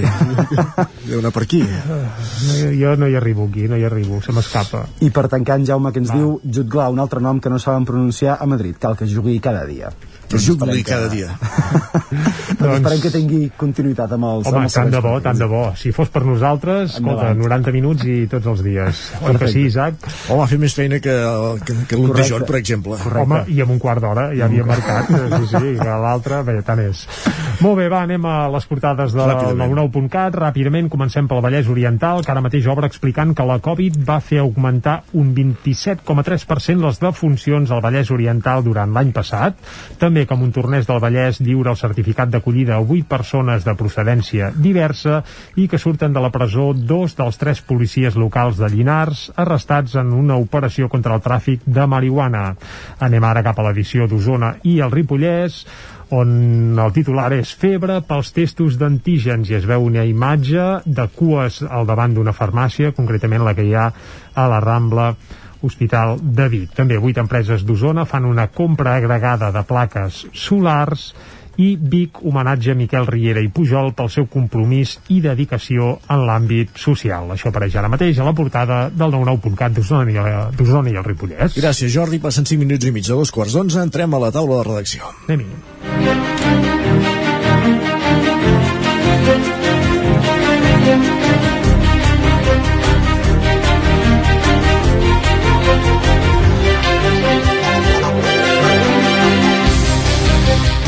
Taula de redacció ens hi acompanyen en Guillem Freixa i l'Isaac Muntades per parlar de la nova imatge de l'estació de tren de Vic. Li han fet un rentat de cara, ha estat molts mesos a, en obres, i també parlarem d'aquesta del que comentàvem a les notícies de les 10, de la sensació d'inseguretat durant les nits d'oci al Ripollès.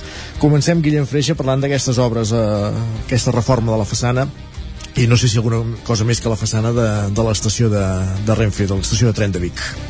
Molt bon, molt bon dia, una estació de trens de, de Vic que té història, és un edifici del 1910, es va construir el 1910 i com dèiem, en l'últim mig any ha estat eh, tapat per una vestida perquè s'hi estava fent això, un rentat de cara, una reforma a finals de primavera de l'any passat, entre els mesos de maig i juny, realment eh, l'estació de trens presentava un estat de degradació important, això s'havia de detectat en els últims mesos.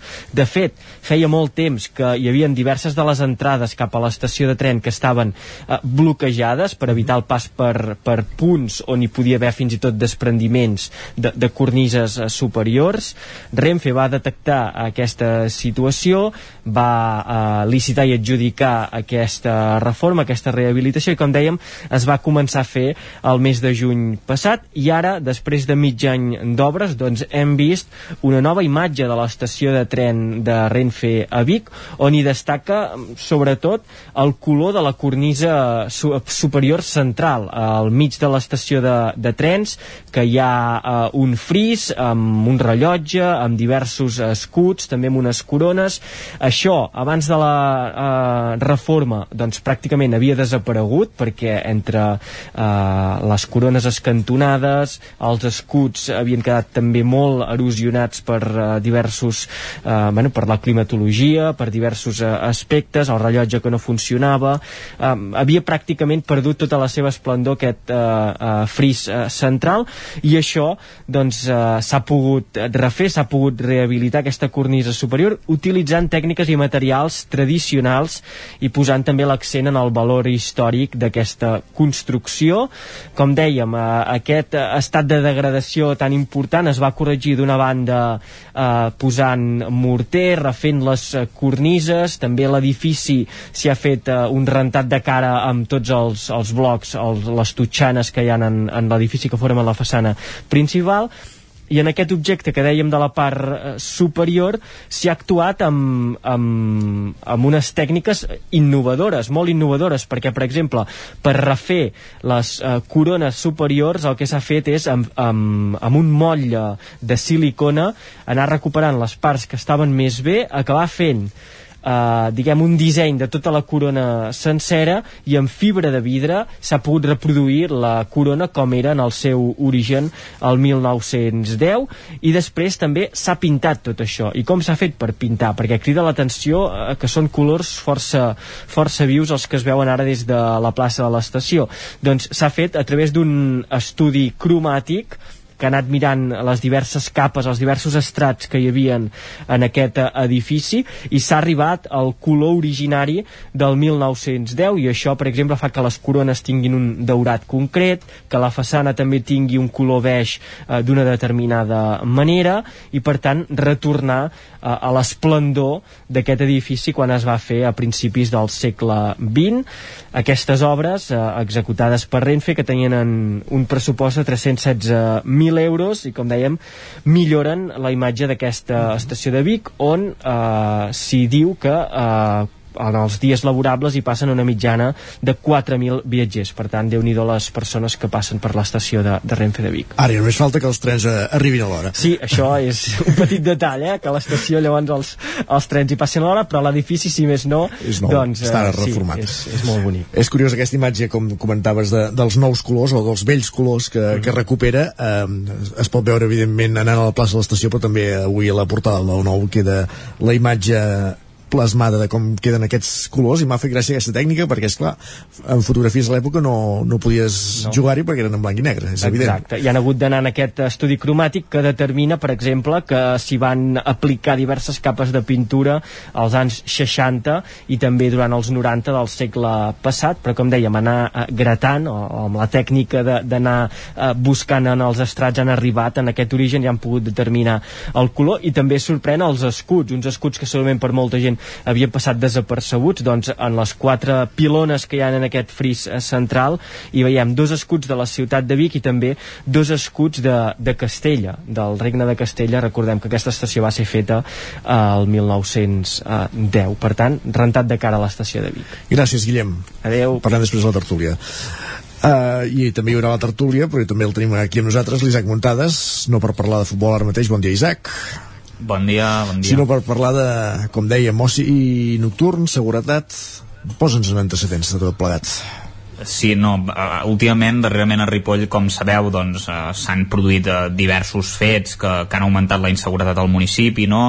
Uh, de, de fet, uh, també ens van comentar el, el cap de la policia local, Josep Parra, que és una cosa que ha passat tota la vida, però que segurament ara s'ha doncs, intensificat uh, arran de la pandèmia, per al tema doncs, que evidentment, uh, sobretot aquest, aquests actes incívics són provocats doncs, per gent jove, doncs per gent jove que en el seu moment doncs, uh, tenia 16 anys, que és l'època en què es comença a sortir, no van poder sortir perquè estaven tancats per la pandèmia i ara evidentment doncs eh, es recupera aquest temps perdut, no? ara que en tenen eh, 18 per dir alguna manera i això provoca doncs actes eh, incívics com eh, baralles, eh, trencaments de, de vidres de, de comerços, etc etc. no? moltes coses que, que passen sobretot per la zona d'oci de, de Ripoll que a diferència doncs, per exemple de Vic es troba ubicada doncs, enmig del barri vell no?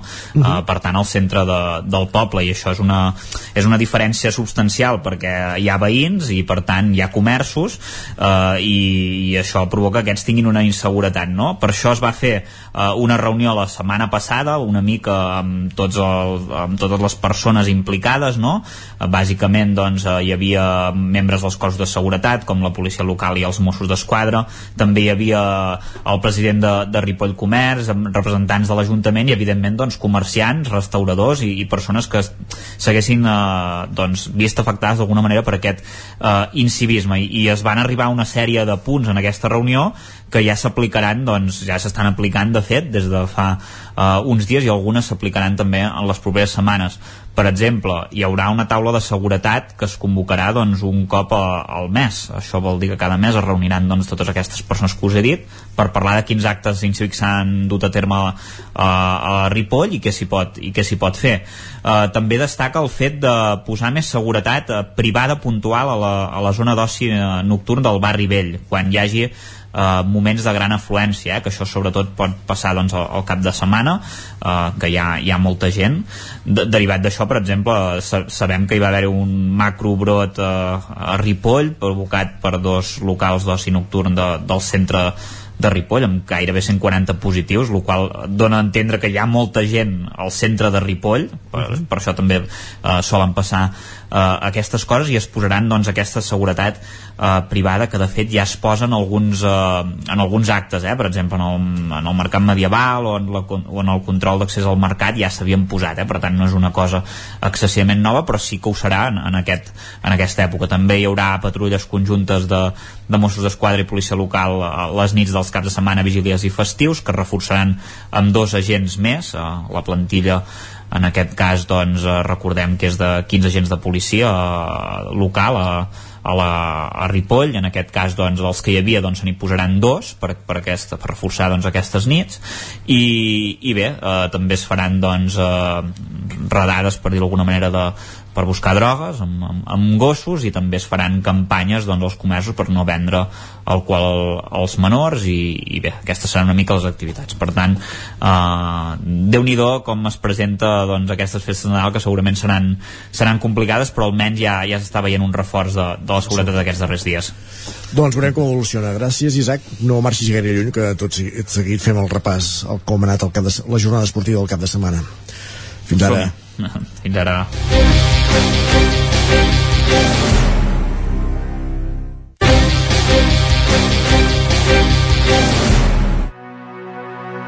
Territori 17 El nou FM, la veu de Sant Joan, Ona Codinenca, Ràdio Cardedeu, Territori 17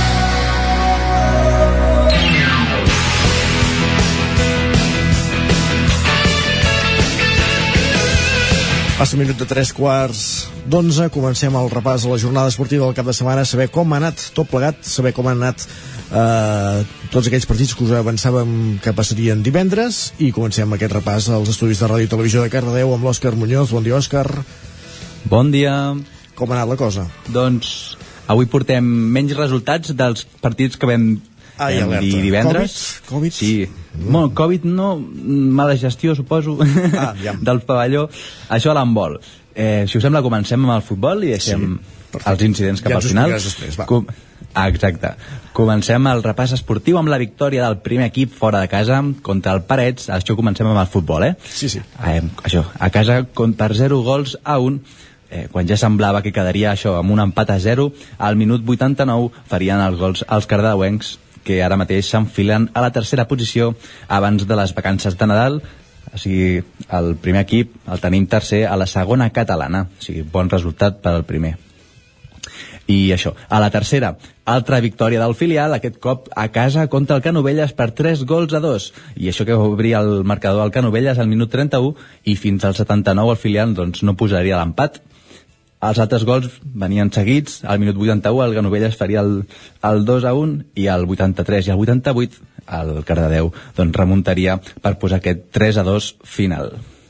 I a la mateixa lliga doncs, el Llinàs no va poder rascar ni un punt contra l'Atmella del Vallès eh, els quarts classificats a la lliga eh, per 3 gols a 1 eh, partit dominat per l'Atmella tant al terreny com al marcador el Llinàs doncs, va fer el seu gol al minut 89 sense cap amenaça, així que la tercera catalana queda amb el Cardedeu a la segona posició i el Llinàs a la onzena.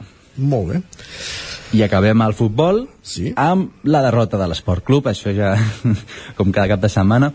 Eh, tot i que perden cada cap de setmana quasi, eh, no es, es mantenen a la quinzena posició, no són els únics que perden, tenien... per tant, vol dir això. Exacte. Tenien, tenien un partit complicat, eh, perquè jugaven contra el Girona, uh -huh. eh, segon classificat, i, i això, van quedar per dos gols eh, dos gols a tres. L'inici del partit va ser dominat per l'Esport Club, això sí, amb un gol ràpid a minut 4 i l'altre al 30, però la segona el Girona doncs, va reaccionar i al minut eh, al 58, al 76 i al 82 farien aquests tres gols per remuntar el partit a l'Esport Club, que com hem comentat es queda a la quinzena posició.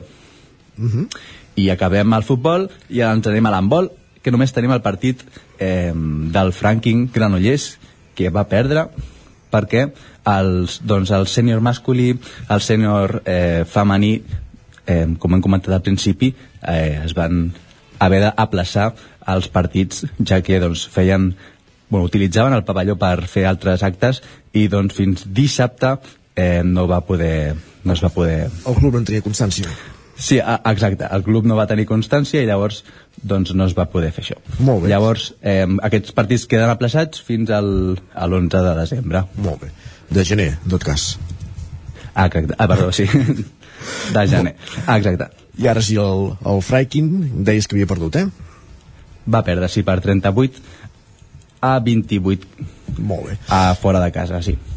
Perfecte, I, bueno, fins aquí, digues, digues. Exacte, fins aquí el repàs esportiu d'aquest cap de setmana i això fins eh, després de Nadal doncs, no tornaran els equips a tenir aquestes competicions. I recordem també aquest final del Mundial d'handbol amb aquesta victòria a la final de, de Noruega. Ah, exacte. Moltíssimes gràcies per ser un dia bon més. Partit. Amb... Va bon partit, va ser entretingut, eh? Molt bé. Sí.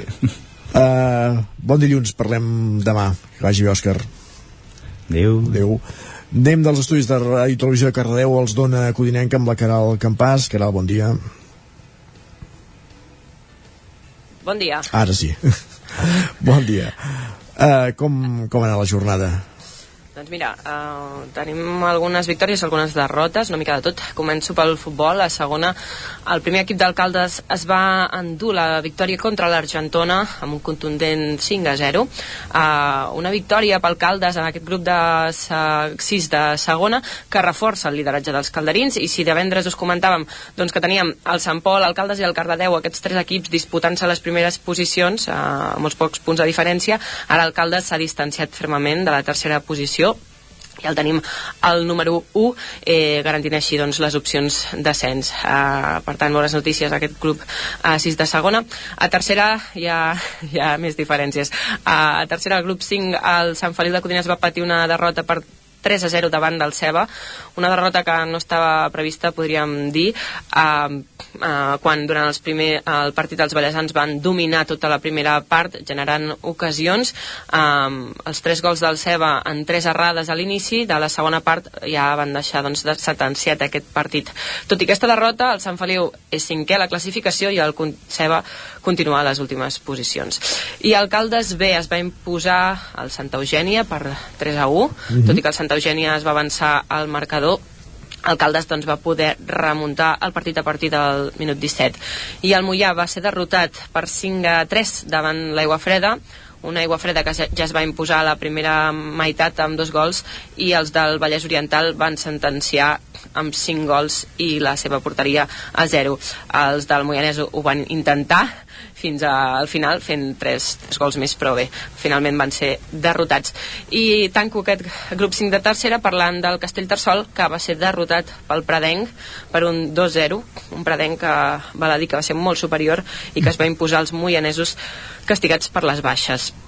Me'n vaig a, a l'hoquei, si sí. sembla. I el... uh, el Sant... Digues, digues el Sant Feliu de Codines, que estava a segona divisió, que està a segona divisió, segueix sense poder guanyar a casa. Aquest cap de setmana va ser derrotat pel Lloret um, per un 2 a 3. Comentar-vos que doncs, la situació de l'equip codinenc comença a ser crítica i només ha sigut capaç de sumar un dels últims 18 punts disputats.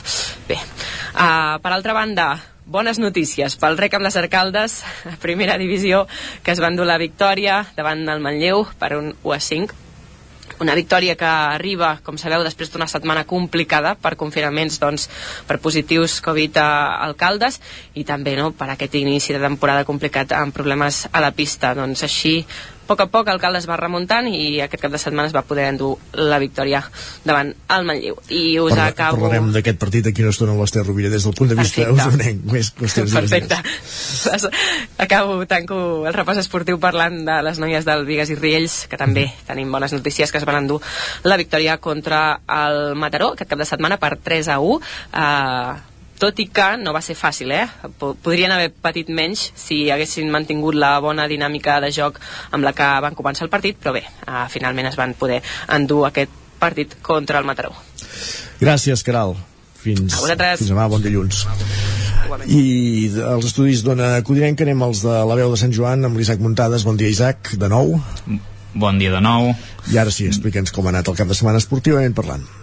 Doncs ha estat una jornada bastant nefasta i realment, eh, si voleu, començo per l'única notícia positiva que precisament poder ens l'ha donat un dels equips que no, no ens ho esperava, no? Ja. el Camprodon de futbol, el subgrup, A de, el subgrup A de la segona catalana, que va, ha estat l'únic que ha guanyat el, el seu partit, eh, va fer-ho per 3 a 1 al, al Besalú i va trencar una ratxa de nou derrotes consecutives. Per tant, doncs, eh, que és una victòria important, encara els, el Camprodon és cué, eh, té 6 punts i es queda 3 del penúltim classificat, però bé, almenys serveix per, per guanyar. El nom propi del partit va ser Edu Planella, que va fer una gran actuació individual amb, amb un triplet, i en un partit on el Camprodon va dominar, va tenir moltes ocasions, en aquest cop, a diferència d'altres vegades, sí que va ser sòlid amb, amb defensa. Uh, Planella va tenir dos 1 contra uns, per exemple, al principi del partit i, i els va fallar, també van tenir un xut de falta a la creueta, Uh, després sí que va arribar doncs, uh, els gols de, de Planella que en va fer un uh, en rematar una centrada des del punt de penal i després en un altre dins de l'àrea petita en aprofitar un refús. El Besalú només va tenir un xut al pal pràcticament en tot el partit, Uh, i a la segona part doncs, Edu quan ja s'acabava el partit a falta d'uns 5-6 minuts va fer doncs, uh, el tercer gol en triplar-se al central i xutar davant de, del porter tot sol el Besalú només va poder fer uh, un gol reduint distància amb un penal transformat per Aguilar que va suposar també l'expulsió d'Omar en vermella directa. Per tant bon resultat pel Camprodon però que encara li falta molt doncs, per arribar a ser un equip molt més competitiu uh, pel que fa a la tercera catalana el grup 19, la Badesenc no va poder guanyar el camp del Vilablareig i va perdre per 4-2 en un partit que també va tenir ocasions de sobres però el seu rival doncs, va ser més efectiu. De fet, els 20 minuts de partit com aquell que diu els, els Sant Joanins ja perdien per 2-0 amb dues dianes de Rodríguez, una en un xut creuat i l'altre aprofitant un, un refús. Uh, Àlex va reduir distàncies uh, en rematar doncs, una, una bona centrada i, i abans del descans doncs, el Mendros va aprofitar un error en la passada a la defensa per fer el 3 a 1 després de, de fusellar doncs, el, el porter.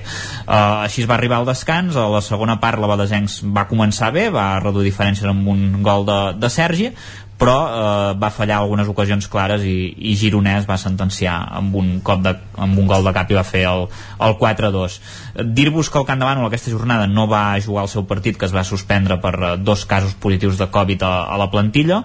Per tant uh, no va poder jugar el partit contra el Santa Pau. S'haurà de veure quan uh, es recupera i canviant d'esport de, uh, en hoquei, okay, el grup A de la primera nacional catalana, l'hoquei Club Ripoll doncs, va perdre la pista del Roda Ter per 2 a 1 i va sumar la segona derrota de la temporada que li fa ja endarrerir la Sí, va, però va ser justet, eh? Va ser justet. A la primera volta em sembla que van guanyar 5 a 4 els, els ripollesos, en aquest cas. Uh, S'endarrereix la classificació de la segona fase almenys un parell de jornades. Els ripollesos ara són tercers amb, amb 19 punts i el seu rival es col·loca un punt per sota. Bé, va ser un partit molt igualat. Els rodencs es van avançar, el Ripoll va aconseguir empatar i quan havia fet el més difícil que era empatar just a la següent jugada doncs van rebre el segon gol. Per tant no, no van tenir eh, al final opcions de remuntar tot i que el, el partit va ser molt ajustat. Eh, i on sí que hem de lamentar un molt mal resultat és a la, a la primera nacional de futbol sala perquè l'escola futbol sala Ripoll Servicat no tant pel marcador perquè va caure per un ajustat 5 a 4 però sí contra el rival amb qui ho va fer el futbol sala Corbera Autocorp que fins ara era el cué de la categoria i això fa que ara els cuers siguin els ripollesos que només tenen dos punts a només dos partits per acabar la primera uh, volta i veuen l'ombra del descens molt a prop perquè baixen els dos últims i ara mateix doncs estan cuers i els tres rivals que tenen per sobre que això és el pitjor de tot, tenen dos partits menys cadascun Carai. vull dir que si algun d'aquests treu algun punt el, el Ripoll ho tindrà complicat ara estan a dos punts de la salvació però clar, s'ha de veure què passa amb aquests partits Veurem com evoluciona. Parlem després de la tertúlia, Isaac. Fins després. Gràcies. Adeu. I acabem aquest repàs esportiu als estudis del 9FM amb l'Ester Rovira. Bon dia, Ester. Bon dia com ha la cosa. La Caral ja ens avançava aquest resultat nefast pel Manlleu davant Alcaldes, però hi ha hagut més coses, eh? Exacte, sí, aquesta, aquesta derrota del Manlleu, eh, Martinelli i Manlleu a l'hoquei Lliga, eh, davant d'Alcaldes. Eh, en canvi, el, el Voltregà va poder imposar-se a l'Igualada per 5 a 0. Eh, han pogut acabar l'any de, de bona manera. El Voltregà, recordem que venia d'una dinàmica molt dolenta de, de mals resultats. Eh, L'últim havia estat eh, la victòria en el derbi a l'octubre amb el Manlleu i ja entre setmana eh, van, poder, van poder guanyar a la pista del Palafrugell i aquest cap de setmana també contra l'Igualada i ara doncs se'n van a l'aturada de, de Nadal vuitens a la classificació amb 13 punts, per tant una miqueta més tranquils, mentre que el Manlleu eh, ara és 11 amb 10 i ocuparia una de les places que han de jugar promoció per la, per la permanència a l'Hockey Lliga.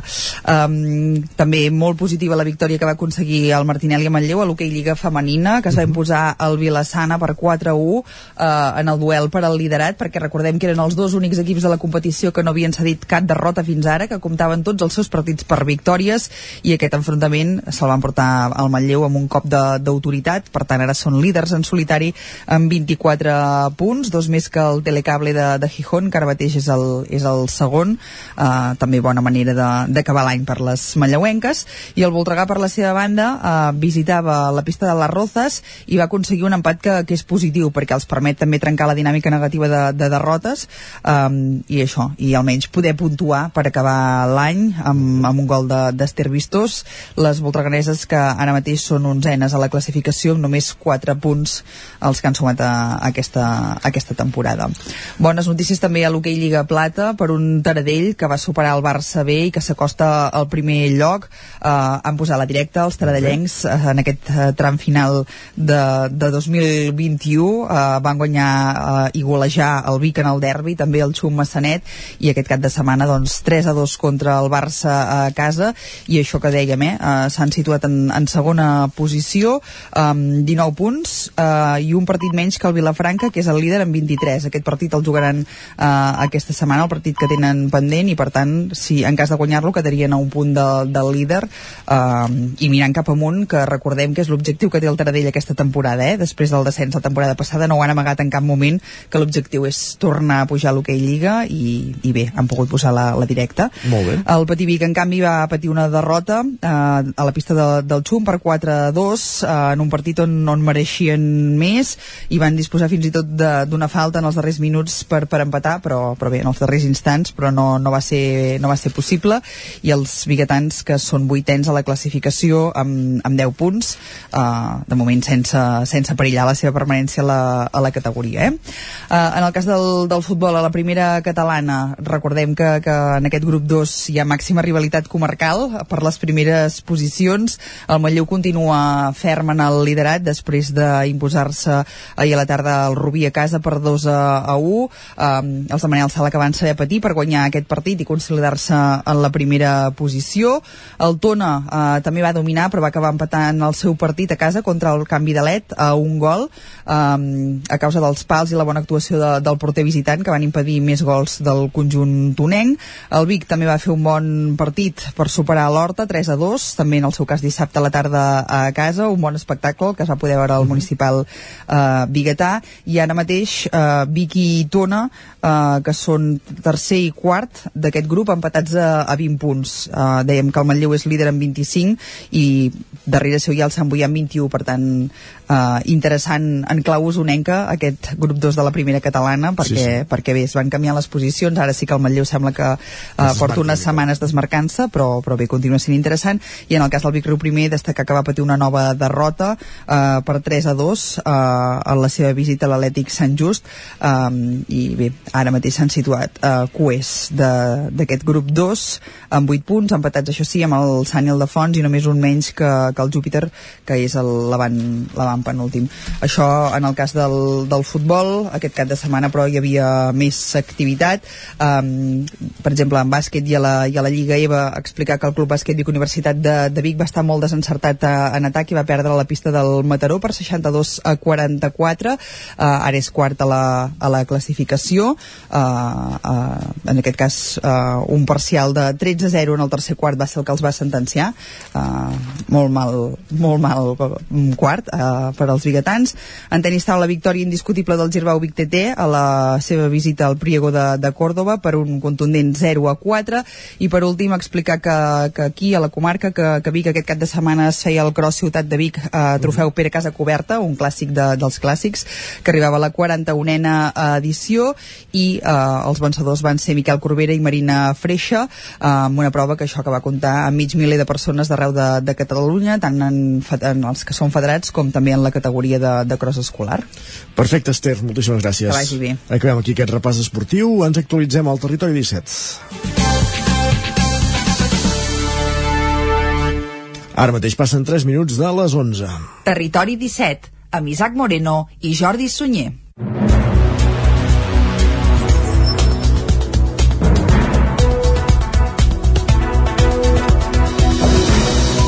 Abans d'entrar de ple en la informació de les nostres comarques, en la informació del territori 17, una última hora d'àmbit general, i és que, segons informen diversos mitjans de comunicació, el govern, el Departament d'Interior, ha decidit destituir el major dels Mossos, Josep Lluís Trapero, i remodelar la cúpula dels Mossos. De fet, eh, la cadena SER avança que serà Josep Maria Estela, el comissari Josep Maria Estela, fins ara cap de la regió policial de Tarragona, qui ocuparà la plaça al capdavant dels Mossos, del cos dels Mossos d'Esquadra. La pressió hospitalària de la sisena onada ja té efectes en l'activitat sanitària. Divendres, l'Hospital Universitari de Vic va anunciar que comencen a ajornar totes les operacions no urgents per l'alta incidència de la pandèmia. Els centres del Consorci, l'Hospital Universitari de Vic, l'Hospital Sant Jaume de Manlleu i el de la Santa Creu, ja hi ha 80 pacients ingressats per Covid. En un comunicat que es va fer públic divendres des del Consorci Hospitalari de Vic asseguraven que fins ara s'havia pogut compaginar l'atenció a la Covid amb la resta de l'activitat, però l'elevat nombre de pacients que en els darrers dies han ingressat a l'hospital ha fet que hagin de començar a reprogramar l'activitat no urgent. Les afectacions seran per les cirurgies no urgents que requereixen hospitalització i per una part de les proves amb sedació. De moment, la resta d'activitat ambulatòria no es veuria afectada. El centre hospitalari anuncia que el tancament de línies d'activitat es farà de manera progressiva i en funció de com evolucioni la sisena onada de la pandèmia. En aquests moments, als centres del Consorci hi ha 80 ingress, pacients ingressats per Covid. A l'Hospital Universitari de Vic n'hi ha 40, 28 a planta i 12 a l'UCI. Són 10 més que la setmana passada. Del total de pacients, 34 tenen la infecció activa i uns altres 6 s'han negativitzat, cosa que vol dir que donen negatiu, però encara necessiten atenció per les seqüeles de la malaltia. A l'Hospital Sant Jaume de Manlleu hi ha 7 pacients amb Covid, 5 dels quals són positius. A l'Hospital de la Santa Creu de Vic, que acull la majoria de pacients geriàtrics i convalescents amb Covid d'Osona, hi ha 33, 33 ingressats amb Covid Covid, 30 dels quals amb infecció activa i 3 ja donen negatiu. Fa una setmana hi havia 20 pacients ingressats, 14 dels quals amb infecció activa.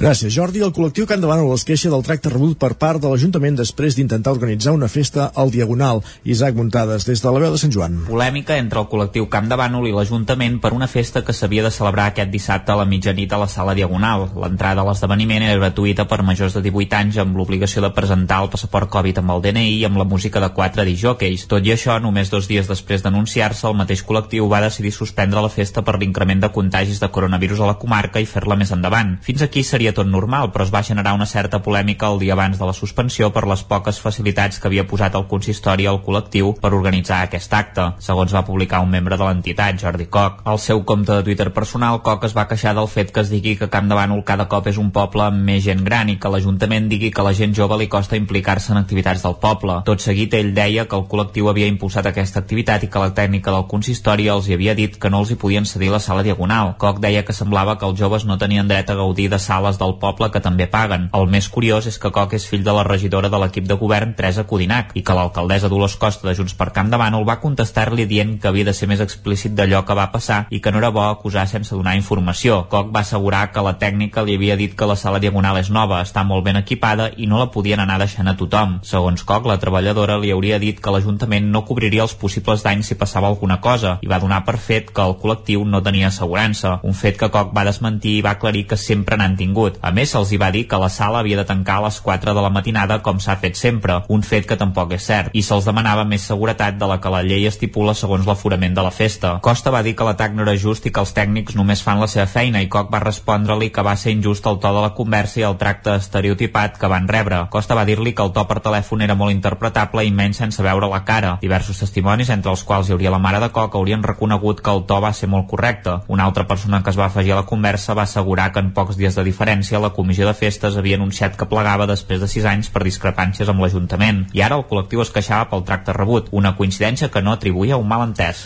L'Institut Manolo Hugué de Caldes de Montbui inaugura un espai per fomentar l'esperit emprenedor entre l'alumnat de formació professional, que era el campàs des d'Ona Codinenca.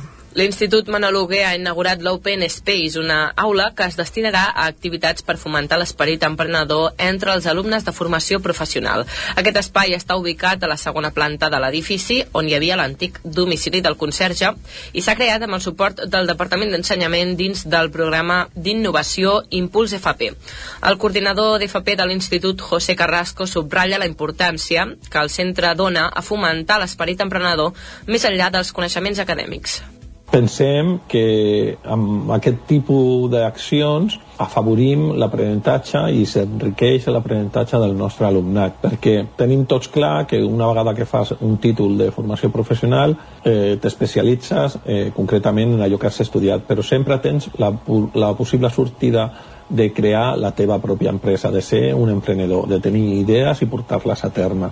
Per preparar el terreny, durant el mes de novembre es van impulsar un seguit de ponències amb emprenedors. D'altra banda, la intenció de l'Institut no és limitar l'ús d'aquest Open Space als alumnes, sinó, com diu el seu mateix nom, obrir-lo a la societat de Caldes. Un exemple clar, si en Caldes Solidàries vol que el nostre alumnat, dintre d'alguna de les matèries que està fent, ajudin a fer un videocurrículum o, o redactar un currículum, o que puguem fer activitats relacionades amb la seu electrònica per a gent que no, eh, que no té accessibilitat. Qualsevol tipus d'aquestes accions pot estar recollida dintre d'aquest Open Space. A l'Open Space de l'Institut Manolo Hugué també s'hi podran fer d'altres activitats com formacions i xerrades. El centre es planteja crear properament un calendari d'usos d'aquest espai perquè totes les entitats que ho vulguin se'n puguin beneficiar. Esports. I en l'àmbit esportiu, Noruega guanya el quart mundial d'handbol femení celebrat a Granollers imposant-se a França per 22 a 29 a la final. Núria Lázaro des de Ràdio Televisió de Cardedeu. L'equip noruec s'ha imposat en la final de Granollers a França, vigents campiones olímpiques per 22 a 29. Noruega revenja de la final perduda del Campionat del Món del 2017 contra les franceses i ho ha celebrat a la pista del Palau d'Esports de Granollers. Noruega ha revifat a la segona part en tan sols 6 minuts als que li han fet falta per capgirar el marcador quan guanyava França la primera part. L'avantatge noruec ha arribat a un màxim de 6 gols a 11 minuts de la final. Al tram final, França ho ha intentat sense èxit, mentre que Noruega ha assaborit el triomf i ha sumat el seu quart or en un Mundial a banda del màxim representant de la IAQF, Hassan Mustafa, i el president de la Federació Espanyola, Francisco Blázquez, que han estat a tots els partits de la fase final de Granollers. A la final hi havia el ministre d'Esports del govern espanyol, Miquel Iceta, el president del Comitè Olímpic Espanyol, Alejandro Blanco, i la consellera de la Presidència de la Generalitat, Laura Vilagrà, entre altres. Poc abans del lliurament de les medalles, l'artista Carlos Baute ha cantat la cançó oficial del Mundial d'handbol femení. La selecció espanyola amb la granollerina Cava Gassama com a jugadora s'ha quedat sense medalla al Mundial d'handbol femení. Espanya no ha pogut superar la final de consolació a Dinamarca, que ha estat superior i ha guanyat meritòriament el bronze del Campionat del Món. Gràcies, Núria. Acabem aquí aquest repàs informatiu que començàvem a les 11 i pocs minuts en companyia de Núria Lázaro, Isaac Muntades, que era el Campàs i Jordi Sunyer. Anem pels solidaris.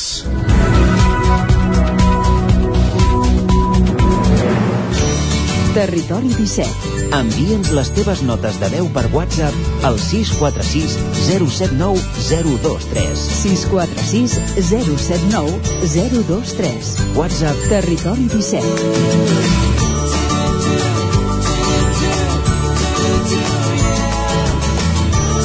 Territori 17.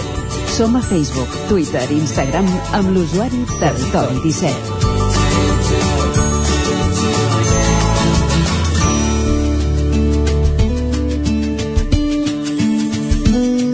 Solidaris, amb Eloi Puigferrer. Doncs com cada dilluns anem fins a Ràdio Vic conèixer una de les entitats del tercer sector del nostre territori, avui una de prou coneguda amb l'Eloi Puigferrer. Avui parlem de l'Associació Sant Tomàs. Endavant, Eloi, com vulguis. Durant tot l'any 2021, al programa Solidaris ens hem dedicat a fer un recorregut al llarg de les comarques d'Osona, el Ripollès, el Moianès i el Vallès Oriental, tot parlant amb entitats de tota mena, mida i àmbit d'acció social. Avui, en el que és el darrer programa d'aquest any 2021, no farem una excepció i seguirem fent una radiografia al teixit solidari d'aquestes quatre comarques endinsant-nos en el que és una de les entitats més grans i reconegudes d'Osona, Sant Tomàs. Nascuda ja fa més de 50 anys gràcies a l'empenta d'un grup de famílies, l'entitat s'ha anat erigint com un puntal en el seu àmbit d'acció gràcies a l'atenció que proporciona a les persones amb problemes de salut mental acompanyant-los en tot el procés des de la seva formació fins a la inserció laboral, oferint-los també atencions a les seves llars o en residències, el model assistencial que ofereix ha acabat sent un exemple per moltes altres entitats i a Osona pràcticament la coneix tothom gràcies a la bona feina que porta fent des de fa mig segle. Però com funciona una màquina tan ben engraçada? Avui al programa Solidaris des de Ràdio Vic i a través de l'antena del Territori 17 ens hi endinsarem parlant amb el seu president, en Joan Cassany, qui recorda els orígens de tot. Sant Tomàs va néixer avui fa 55 o 56 anys, és difícil de definir perquè aquestes coses que neixen un dia espontànies no tenen una data exacta, però sí que va sortir el dia que un grup de pares eh, van fer una reflexió important. Fa eh, tants anys, o sigui, 55 o 60 anys, quan en una família apareixia una persona amb dificultats de desenvolupament o de, de discapacitat intel·lectual, es podia arribar a tenir el concepte de que aquella família era castigada per alguna cosa. I eh, que no... la gent ho prenia com una pena i, més aviat, el que feia era tancar-se dintre de la pròpia família i tenir el, la situació interna, no comunicar-la, era una mica tirar i millorar totes en conjunt. I aquest grup de famílies, que eren set, amb set persones que havien de ser teses, es van posar d'acord per fundar el que avui és Sant Tomàs. I aquest va ser realment l'embrió, i aquest va ser realment el canvi. El deixar de pensar que allò era quelcom que es havia de solucionar dintre casa i prou, amb sortir, compartir i pensar que era quelcom que es podia solucionar aquella situació particular d'aquelles famílies era millor compartir-les i avançar plegades. A partir d'aquí això va començar, eh, van buscar un pis a dintre Vic, se'ls va fer petit de seguida i llavors, eh, juntament amb el bisbat, va haver-hi l'opció de comprar la finca de Sant Tomàs. Es va fer una campanya de recol·lecció de diners que la comarca d'Osona hi va respondre d'una manera extraordinària, es van recaptar no em recordo ara les xifres, però molts més diners dels que estaven previstos i això va permetre comprar la finca de Sant Tomàs, que és qui dona nom ara a l'agrupació. 50 anys és una xifra que es diu ràpid, però quan ho mires en perspectiva és tota una fita arribar al mig segle de vida i encara més fent-ho en un vessant social tan important com el que tracta Sant Tomàs. Cassany defineix l'entitat i aprofita per valorar com ha estat tot el procés vital que han viscut. Sant Tomàs és una entitat eh, sense ànim de lucre que es dedica a ajudar a les persones amb discapacitat intel·lectual i amb dificultat en el desenvolupament. Però es dedica a les persones i a les famílies d'aquestes persones. Intentem donar una visió i una ajuda general a totes les famílies. Avui és una entitat eh, que hi ha pràcticament 2.000 socis i atenem gairebé a 2.000 persones. Realment jo he viscut com una història eh, d'èxit. D'èxit en tant en quant la gent ha vist Sant Tomàs com una institució en el qual estava arrelada la comarca, en el qual s'hi podia confiar, en el qual cada vegada el, el, el abast dels seus serveis era més i més important, tenia més i més, podia assistir a més persones fins a arribar aquí.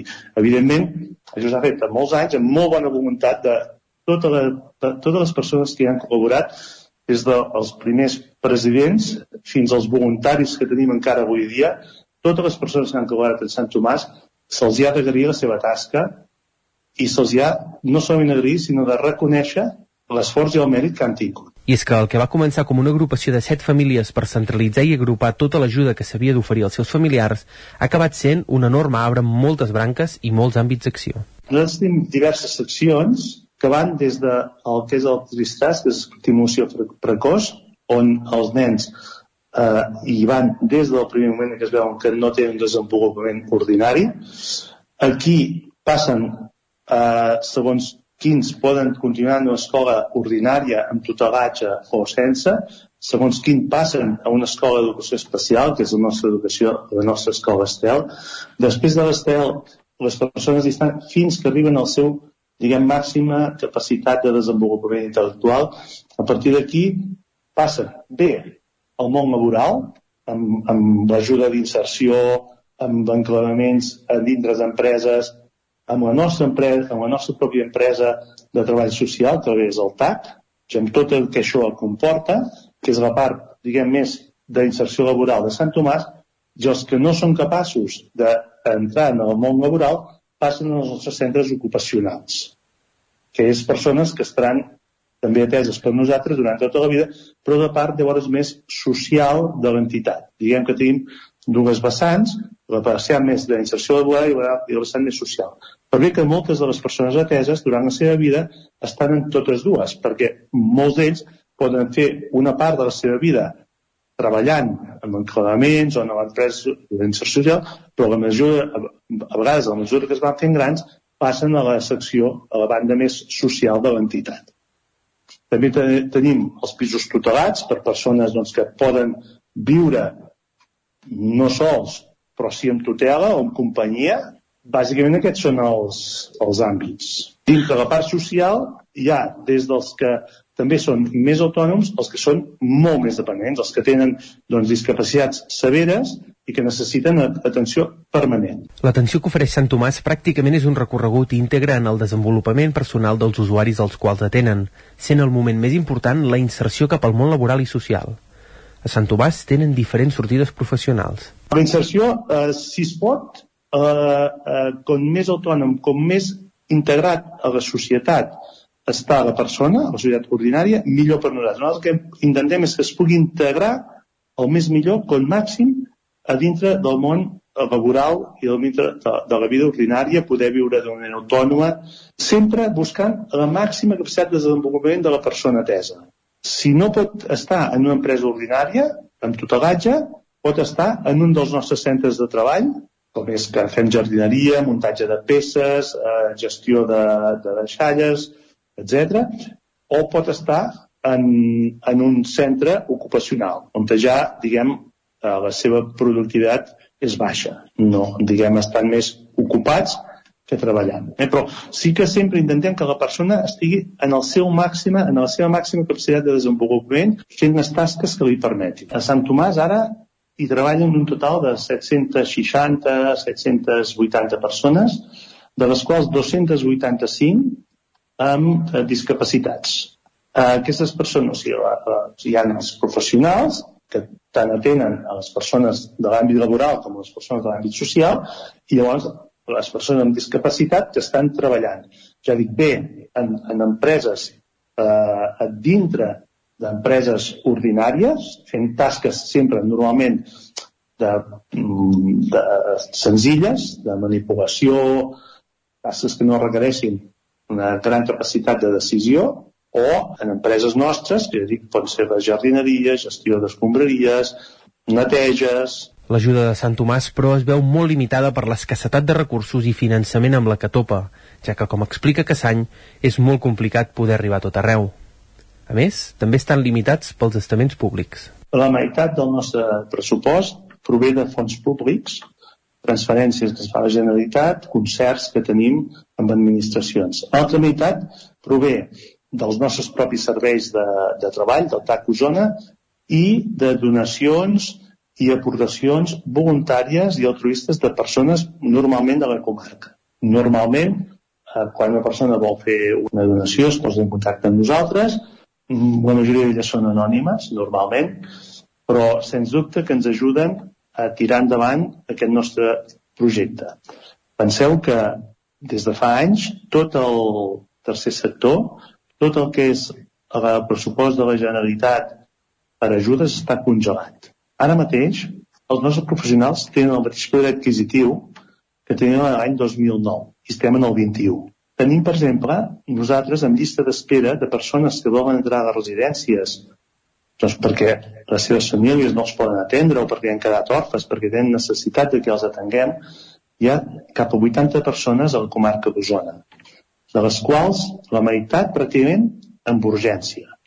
Doncs fixeu-vos que tenim nosaltres els locals i les residències fetes, però no les podem ocupar perquè no tenim les transferències per pagar els professionals. I fa aproximadament dos anys que estem esperant aquestes, transferències. Aquestes transferències.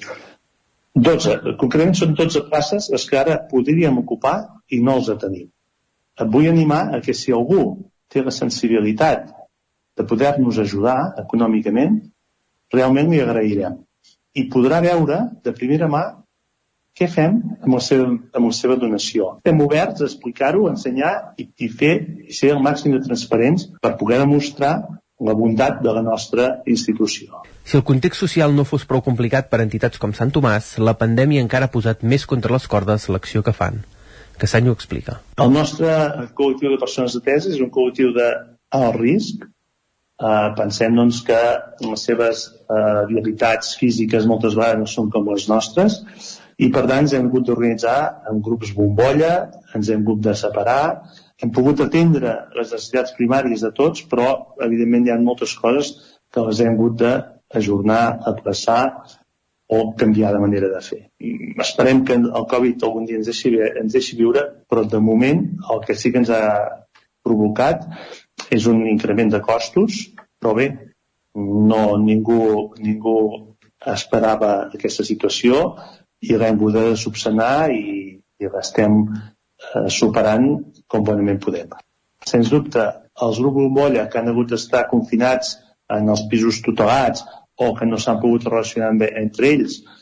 Això, sens dubte, eh, hi haurà persones dels nostres hotels que els hi costarà de superar, perquè ells no entenen les coses com nosaltres. Ells moltes vegades són, són de, de raonaments molt més simples i, i cal justificar coses que ells no comprenen. Com, com per exemple, doncs això, els grups bombolla, els confinaments, el no poder-se no poder relacionar, el haver d'anar amb mascareta, n'hi ha que no hi tenen cap mena de problema i n'hi ha que no entenen el per què ho hem de fer. I això, doncs, els nostres eh, els professionals, els psicòlegs, els tutors, doncs tenen una tasca important de mantenir aquestes persones en, en un estat d'ànim i psicològic adequat. Sigui com sigui, amb l'experiència que ja ha acumulat el president de Sant Tomàs durant tots aquests anys, ell mateix valora que la societat està anant per bon camí, malgrat que encara queda molt per recórrer. No té res a veure la situació d'avui amb la situació d'avui fa anys. Eh, nosaltres, exemple, des de l'entitat, sempre hem volgut que els nostres usuaris formin part de la societat, estiguin integrats al màxim a la societat. Per això estem intentant que fer centres ocupacionals als pobles, de manera que el, els nostres fills puguin anar a peu a la seva escola, al seu centre de, de, de formació, al seu centre ocupacional, puguin conèixer el veïnat i la societat els entengui com a persones igual que d'altres, perquè així ho són. Les seves limitacions no els desmereixen els seus valors ni es desmereixen els seus drets. Són persones igual que tots nosaltres i tots nosaltres tenim capacitats diferents. Per tant, no podem deixar de banda a ningú. Hem d'estar units i ajudant-nos i fent que aquestes persones que avui tractem amb discapacitat intel·lectual, però d'altres persones amb, amb altres discapacitats, enfermetats, minusvalies, entendre's com a part integral del tot, de tota la societat. Educar, acompanyar i integrar. Amb aquestes tres línies treballa incansablement Sant Tomàs des de ja fa més de mig segle i els resultats salten a la vista. Amb la gran quantitat d'usuaris als quals atenen, la labor que fan és indispensable per la societat, per les famílies i sobretot pels usuaris i usuàries. I és que realment l'únic camí cap a la normalització i la total integració passa per la feina i els pensaments que a poc a poc van inculcant entitats com Sant Tomàs. Gràcies, Eloi, per una setmana més acostar-nos una entitat més, els solidaris, en aquest cas l'associació Sant Tomàs, una associació amb solera i amb història aquí a la comarca d'Osona. Fem una petita pausa. Continua el territori 17 tot seguit amb els continguts habituals del final de cada dilluns. Passarem per l'R3 i acabarem amb la tertúlia esportiva, aquí com cada dia, de 9 a 12 del matí. El nou FM, la ràdio de casa, al 92.8. Cefusol, centre de formació de soldadura GURB. Som especialistes en processos de soldadura. Disposem d'instal·lacions totalment equipades per a classes de teòrica i pràctica amb cabines individuals i equipaments de seguretat. Assessorem empreses i oferim cursos subvencionats i bonificats. Vine i t'informarem. Cefusol, som al carrer Sant Roc número 21 de GURB. Telèfon 664 206 192. També ens trobaràs a cefusol.com i a YouTube. El racó de León. Gaudeix de la nostra terrassa. Vine a tastar les xuletilles de lechal a la brasa amb una bona amanida o el xuletón de vedella gallega. No et pots perdre el nostre lechado de Castilla al forn o el cochinillo a l'estil de Segovia. Tot acompanyat del millor celler, al menjador o fora la terrassa. Descobreix la millor cuina de lleó sense moure't de casa. Vine amb la família, els amics, la parella o sol. T'encantarà. El racó de León, cuina tradicional lleonesa i de mercat. Som al carrer Torelló número 35 de Vic. Per reserves, telèfon 93 889 1950. El racó de León, una cuina diferent. Som especialistes en cargols a la llauna. Vine a tastar-los al racó de León. Al bar-restaurant Can Meli vine a esmorzar, dinar o sopar. Et sentiràs com a casa. Local gran i acollidor per festes d'aniversari, dinars en família i sopars d'empresa. I cada dijous tenim la millor paella. Passa per Can Meli a fer una copa abans de sortir de festa. Ens trobaràs a la carretera de Roda número 30 de Vic o truca'ns al 650 397 956. El restaurant Can Meli us desitja molt bones festes. Saps què és el confort intel·ligent? És tenir un terra radiant Giacomini a casa. Benestar que no es veu, però es nota tot l'any. I que pots controlar a distància des del teu mòbil, estalviant energia i diners. Suma't al confort intel·ligent amb Giacomini. Informa't a giacomini.es o truca al 93 884 1001 i t'ajudarem a tenir un terra radiant a casa o a l'oficina. Giacomini, la climatització que et mereixes. A la botiga Ànima Records de Vic hi trobaràs tota mena de regals originals i personalitzats, productes artesans i de proximitat. Podràs escollir entre un munt de pessebres i gegants de tot Catalunya. Si has de fer un regal especial, tradicional o cultural, vine a veure'ns a la botiga Ànima, a la plaça del Pes número 5 de Vic o truca'ns al 93 511 0385. També pots comprar des de la nostra pàgina web. La botiga Ànima us desitja bones festes. El nou FM, el nou FM, el nou FM, el nou FM, el nou Territori 17 A Tren d'Alba. Cada dia els usuaris de la línia R3 de Rodalies que veuen sortir el sol des d'un vagó ens expliquen les gràcies i les penes del primer comboi que uneix Ripoll i Barcelona. Benvinguts a Tren d'Alba. Avui els pobres viatgers que anaven al tren de Ripoll cap a l'Hospitalet de Llobregat han hagut de fer el trajecte fins a Vic amb transport alternatiu, amb autobús, vaja. Renfe no ha donat massa explicacions, com sol ser habitual en la seva política de transparència absoluta, i no perquè ho expliquin tot, no, sinó perquè la seva comunicació és transparent, però en el sentit d'inexistent. L'usuari de Vitàvila tampoc estava massa content perquè diu que s'ha llevat a tres quarts de sis del matí per agafar l'R3 per anar amb temps i li han suspès el primer tren. I el segon ha arribat amb 5 minuts de retard. Encara deia que potser faria tard i l'ús amb la Renfe sempre es fa tard. Us deixo amb la crònica d'en Jordi Valls, que també estava al cas de l'actualitat informativa. Bon dia, sóc en Jordi de Centelles. El tren, el primer de Vic, ha arribat 8 minuts tard. I tela la gent de Vic en amunt. Segons un tuit de Rodalies, el tren de Ripoll de la 625 han hagut de fer de Ripoll a Vic en transport alternatiu. Imagino que bus, perquè barca difícil. Avui la veritat és que feia molt i molt de fred. Quan he sortit de casa i anava cap a l'estació, el terra semblava que estava sembrat de purpurina i feia molt brilli, feia molta patxoca, però ojo no caure. I el tren que ha vingut tard semblava un estel de Nadal. Es va apropant a l'estació i vas veient unes cuspires a sobre agafen... I és que el fil d'on pren la llum al tren es congela i llavors no fa bon contacte i va fent cuspires. Què passa? El tren va batzegades, falla la llum a vegades, va una miqueta allò, ara va, ara no va. Però bé, hem arribat, hem arribat amb això, 8 minutets tard. Eh, ha estat una miqueta d'aventura, sí, però bé, ens hem salvat ja dic, els de Ripoll pitjor. De gent, potser havia una miqueta menys de gent. Eh, no sé si per les vacances, perquè ja comença a fer que la gent té més així de tons, semblava menys gent. I a veure com va la setmana amb el tema del Covid i quines restriccions ens puguin posar. Tremolarem. Ja sabeu, eh, els que agafeu el tren ja coneixeu allò de cuida't, cuida'm, cuidem-nos. Bé, no us atabalo més. I recordeu que una Renfe qualsevol no us espagui la màgia del tren. Adéu-siau! El millor de la teva crònica, Jordi, ha estat la imitació del soroll de les guspires en xocar el tren amb el fil que permet que tingui electricitat. Queda clar que cada cop hi ha menys gent perquè les vacances de Nadal estan a la cantonada. Va, ens retrobem demà amb més històries del tren i de la R3.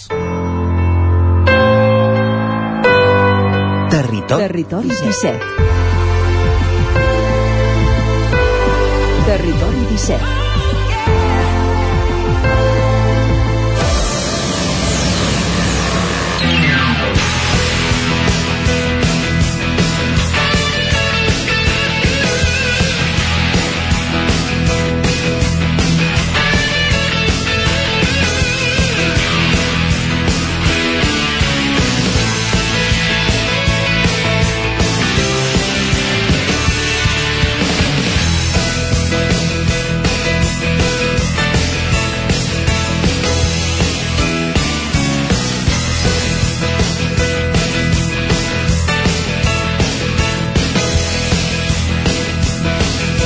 Dos quarts de 12 i 3 minuts i mig que em passen ara mateix. Obrim la tertúlia esportiva com cada dilluns per acabar el territori 17 i avui, com sempre, en companyia d'en Guillem Freixa, en Lluís de Planell i l'Isaac Muntades. Aquí ja saludem a tots tres. Bon dia, benvinguts un dilluns més. Bon dia. Bon dia. Bon I avui amb un nom propi, un nom propi que dèiem al principi del programa que és un nom propi de consens en aquesta tertúlia. És de Sant Julià, com a Muntades, ve de l'Espanyol, com a Planell, i juga al Barça com a Freixa.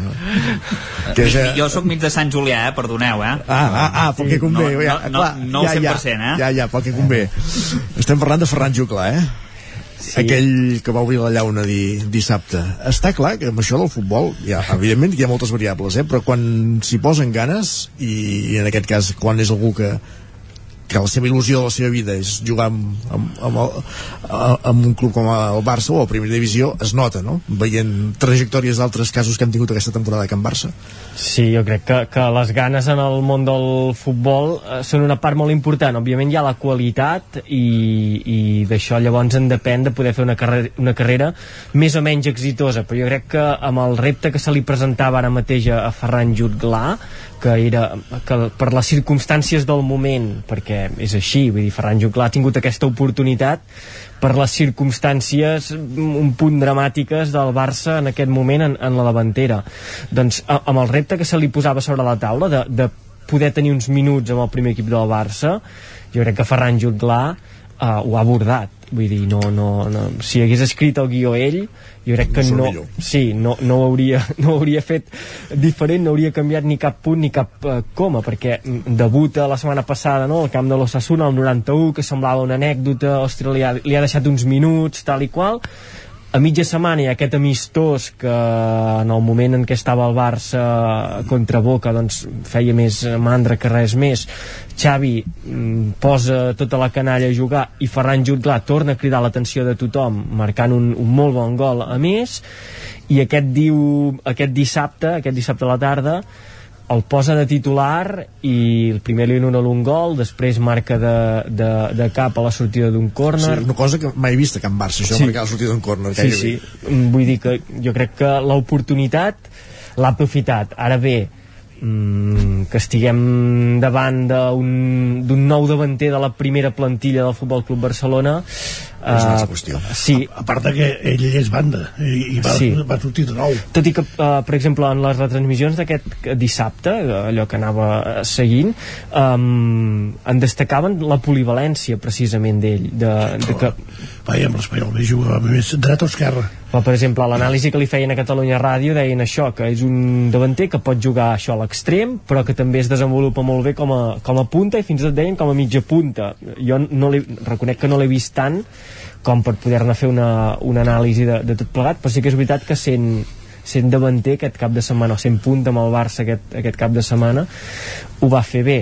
Um, és això, ara veurem quina continuïtat té tot plegat, si al mercat d'hivern hi ha fitxatges a, a la davantera si uh, bueno, algun dels futbolistes que ara està a la banda s'entra més cap al mig veurem què passa i si té continuïtat. Jo a vegades aquesta setmana o aquest cap de setmana que dèiem això, eh, ho ha fet molt bé però és fruit de les circumstàncies i s'acabarà aquí jo pensava, bueno, sí o potser no, perquè recordem per exemple el cas d'en de, Pedrito no? en el seu cas que va començar sent Pedrito en Pedro el, el que va ser Pedri, sí, no? Pedro González Pedrito també puja una mica per mig per casualitat, mig per aposta en un moment concret de Guardiola es comença a consolidar i un jugador que segurament ningú comptava com a un davanter de primer nivell del futbol estatal s'hi va acabar convertint. Per tant, no sé de totes maneres és la lectura que feu jo des de la comarca d'Osona el Ripollès una mica menys i el Vallès encara menys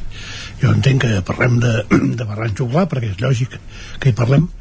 Ara bé, el que sí que podria destacar és que eh, hi ha un davanter teòricament internacional que es diu Luc de Jong que es va quedar a la banqueta precisament per un nano de, de 20 anys o de 21 que eh, un perfecte desconegut en el món del futbol de moment Totalment. i que eh, el deixa ja dic, el deixa a la banqueta i sense ni un minut vull dir que la, la, en plau en clau Oye, blaugrana també es pot i Xavi ho va dir a la roda de premsa no, no va convocar més jugadors del filial perquè, perquè no pot, no, no pot bàsicament. de fet em sembla que els canvis fins i tot van estar condicionats a no quedar-se amb les fitxes mínimes de, del primer equip no, això que dius tu, Lluís, jo, és, és evident, eh, que, que aquí hi ha unes errades eh, de, de fitxatge, de detectar talent, d'incorporar futbolistes que t'encaixen amb el teu joc, amb la teva plantilla, de jugadors fins i tot que tenen fam, perquè tu pots anar a, buscar un jugador eh, que no és de primer nivell, però que té fam. Vull dir, no sé, jo per exemple conec molt el cas del Llagostera segona divisió B, que van fitxar molts jugadors que potser no eren el millor de la categoria en aquell moment, però sí que tenien molta fam i això es va traduir en un ascens a segona A. Um, per tant, jo crec que com a Barça aquí és evident que s'ha de fer una autocrítica i que s'ha fet molt malament el, la planificació, sobretot en la part ofensiva, a darrere també, però, però potser no, no crida tant l'atenció i llavors també et fa replantejar una mica tot això del món del futbol, no? Com pot ser que uh, Luc de Jong, que li hem vist les habilitats que li hem vist, uh, estigui fent la carrera que ha fet, hagi jugat als equips que hagi fet, ara s'estava parlant fins i tot d'un canvi de jugadors, crec, amb el amb l'Inter, es parlava amb l'Inter, ostres, de veritat, que aquest jugador acabarà anant a jugar a l'Inter o trobarà un altre equip de primera fila que, que el vulgui? Després el que passa és que ha jugat amb, amb equips de primera fila a bon nivell perquè si fitxa per, pel Sevilla no sí. és pas perquè, perquè estigui eh, malament honest però el que passa és que el, els jugadors també passen per fases sí. i un jugador, un crac amb un equip amb un altre no rendeix per les circumstàncies que sigui pel, pel sistema de, de, de joc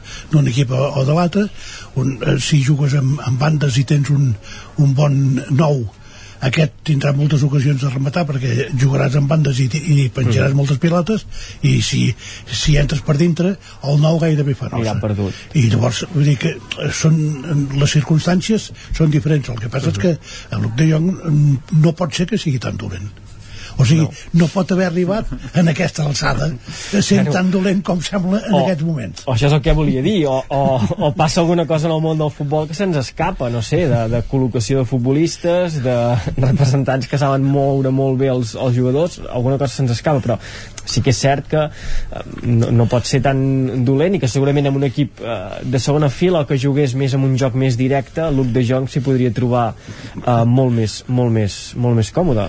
L'errada estant com és que aquest jugador sabent això que ara estem comentant aquí nosaltres que som aficionats al futbol però que no, no ens passem el dia analitzant vídeos eh, ho veiem que no hagin vist altres eh, eh, no sé, la, la direcció esportiva Koeman que va ser qui el va, qui el va demanar. Mm, és el que es fa estrany.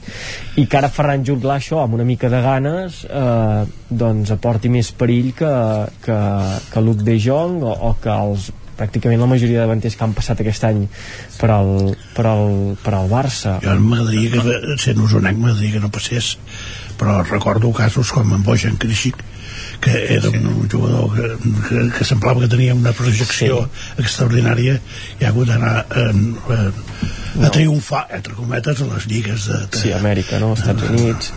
I jo crec que aquí no, hi ha... Digues, digues, Isaac, perdó. No, que dic, ja que abans em deia l'Isaac que sóc de, de Sant Julià i això, que a mi també m'agradaria parlar una mica de, de Ferran Juclà, sobretot per, per el tema, doncs, que hi havia molta il·lusió posada doncs, al, al poble pel seu debut, de fet ja va debutar l'altre dia al camp de la Sassuna i realment va, va fer un bon partit, li, li van anul·lar un gol al, al primer minut pràcticament sí, sí, sí. de joc també, vull dir que, que va ser una, un, un actiu molt important i el que dèiem abans eh, segurament eh, aquestes oportunitats es donen molt poques vegades a la vida. Aquest tren no sol passar sovint no? I, no. i ara s'han doncs, ajuntat una sèrie, una conjunció astral per dir-ho d'alguna manera que ha permès doncs, que, que pugui jugar i, de, i, i el temps dirà si, si aprofitarà aquesta ocasió o no ara en Lluís parlava d'en Bojan Kirkic que, que si ho recordem era el màxim golejador de la història de la pedrera del Barça i al final va acabar en, va acabar en res eh? ell porta un partit de moment evidentment perfecte vull dir, és que no se li pot retreure res el, el noi molt millor que Luc de Jong en tots els partits que ha jugat eh, per davant de Luc de Jong ha de jugar no, no en tinc cap dubte, vull dir, és un jugador mm, potser no diria tant de l'estil Barça perquè és un, un jugador que va molt en profunditat no? Eh, busca més l'espai no? Que, i potser en combinació poder no és, no és tan efectiu no? és més de tocar i marxar i, i algun partit que l'he vist així segona divisió B també és un jugador que a l'extrem també fa bones centrades bueno, que, que, que té gol també, no, no excessiu però que no, no està malament vull dir, eh, és un jugador bueno, que, que pot ser important sobretot aquests mesos que la davantera del Barça doncs, és un solar, no? perquè és que no hi ha ningú que estigui sa, Braithwaite està lesionat Memphis Depay està lesionat Ansu Fati està lesionat uh, Luc de Jong bueno, és pobre Luc de Jong, és que no, no vull fer més sang amb Luc de Jong perquè realment és un jugador que us la van colar però ben colada, eh? perquè uh, sí, sí, i, i clar, ho ha d'aprofitar ara és el moment de Ferran Jutclar poder, ara és el moment si, si, o sigui, si teniu jocs d'aquests de virtuals, fitxeu-lo, perquè segur que jugarà no en tinc cap dubte vull dir, i, i, i me n'alegro que, que triomfi. Molt, molt bon nano per cert em van dir al poble que, col·labora, que col·laborà amb moltes activitats del poble, eh? Home, això també de fet, s'ha de destacar llegim divendres al 9-9 la, sí, sí. el perfil que em feia la Laia Miralpeix hi ha una cosa, un detall que trobo formidable que és que eh, em sembla que era una època juvenil o júnior que jugava amb un equip de Barcelona, no recordo quin, no. ara tampoc, va acabar Sant Andreu. El Sant Andreu, no, o, el juvenil, no, quan va estar al Divisió d'Honor, Exacte, el Divisió d'Honor, que la Lliga va acabar abans d'hora sí. i tu, ell volia jugar a futbol i què va fer? Doncs anar a jugar amb el Sant Julià. Dic, clar, això, eh, quin equip, quin jugador d'aquest nivell ho fa a aquestes edats? Bé, eh, això diu molt del jugador. I ho va fer amb el Sant Andreu, però eh, no ho hauria fet amb el Barça ni amb l'Espanyol. Bueno, perquè no l'haurien deixat, bàsicament. Sí. Per això, per això. Però vull dir que també diu molt d'ell, no?, que quan sí, sí. es va acabar el futbol, diguem, oficial oficial sí. o, de, o federatiu... Va ser l'any que el Sant Julià va pujar, potser, eh? Sembla que Ara ara que sí, ho sí. estic, estic pensant, clar, això també tindria sentit, no? Mhm. No, jo crec digueu, que... Digueu, perdona. No, que en el cas de Jude Glass és, és evident eh, aquest fet, no? que li ha passat el tren, que ja ha pujat i que ara veurem on el porta aquest tren i que potser per ser davanter del Barça doncs tots sabem que si acaben fitxant algú, si tornen Sofati vull dir, si es normalitza una mica la situació serà complicat que pugui anar tenint minuts però sí que li pot condicionar molt la seva carrera en positiu perquè eh, o sigui, l'etiqueta d'haver debutat en el primer equip del Barça i d'haver marcat un gol a la Lliga eh, Espanyola en primera divisió això Ferran Juclar ja no li treu ningú. I a l'hora d'anar a buscar eh, sortides l'any que ve, que sabem que el recorregut en els filials normalment és curt doncs eh, presentar-te amb una carta que digui tu, jo vaig debutar amb el primer equip del Barça vaig marcar un gol el dia que em van deixar jugar per tant, eh, atenció doncs potser li obre de seguida les, les portes del, de la segona divisió A que, que déu nhi eh? que hi ha jugadors que no hi arriben a jugar mai, que naveguen per categories d'aquestes estatals però mm, diguem una mica precàries se li pot obrir el futbol professional eh, gràcies a això i un cop ets al futbol professional Uh, viure del futbol ja ho pots fer. Per tant aquí sí que se li pot que li pot condicionar la carrera i, i que pot ser positiu.